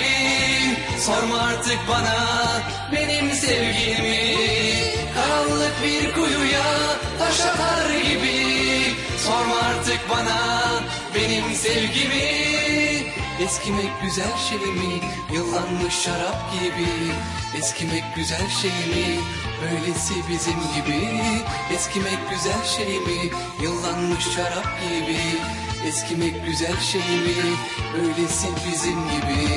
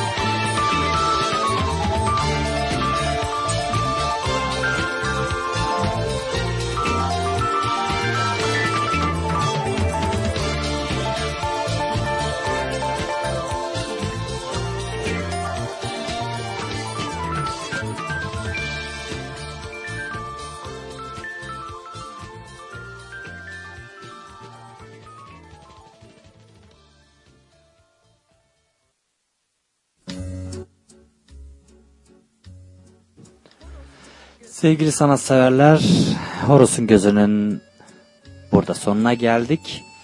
Hepinize iyi geceler ve sanat dolu sanat dolu günler diliyorum. Ee, lütfen sanattan uzak durmayın. Gününüze, her anınıza, her dakikanıza, her saniyenize işlesin. Dediğim gibi bana her konuda ama her konuda görüş, düşünce, eleştiri ve önerilerinizi lütfen iletin. Bunu her yolla yapın bana. Ee, Bundan çok memnun olacağım. Sizlerin desteğiyle ve katkısıyla da yayınımız zamanla çok çok daha iyi olacaktır. Ee, 11.30-11.40'a kadar hala yayındayım. Müzik yapmaya devam edeceğim. Ee, programın tamamını kaçıranlar için de podcast, olarak, birkaç saat içinde yayınlamış olurum. Onu da linklerini yine Facebook'tan ve Twitter'dan paylaşacağım. Hepinize iyi geceler, diliyorum. Mutlu mutlu geceler. Hoşçakalın. Haftaya görüşmek üzere. Horos'un gözü.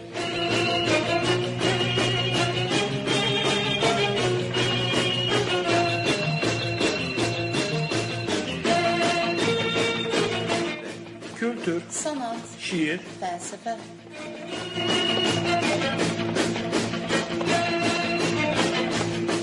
Her hafta ödüllü yarışmalar Horos'un gözünde.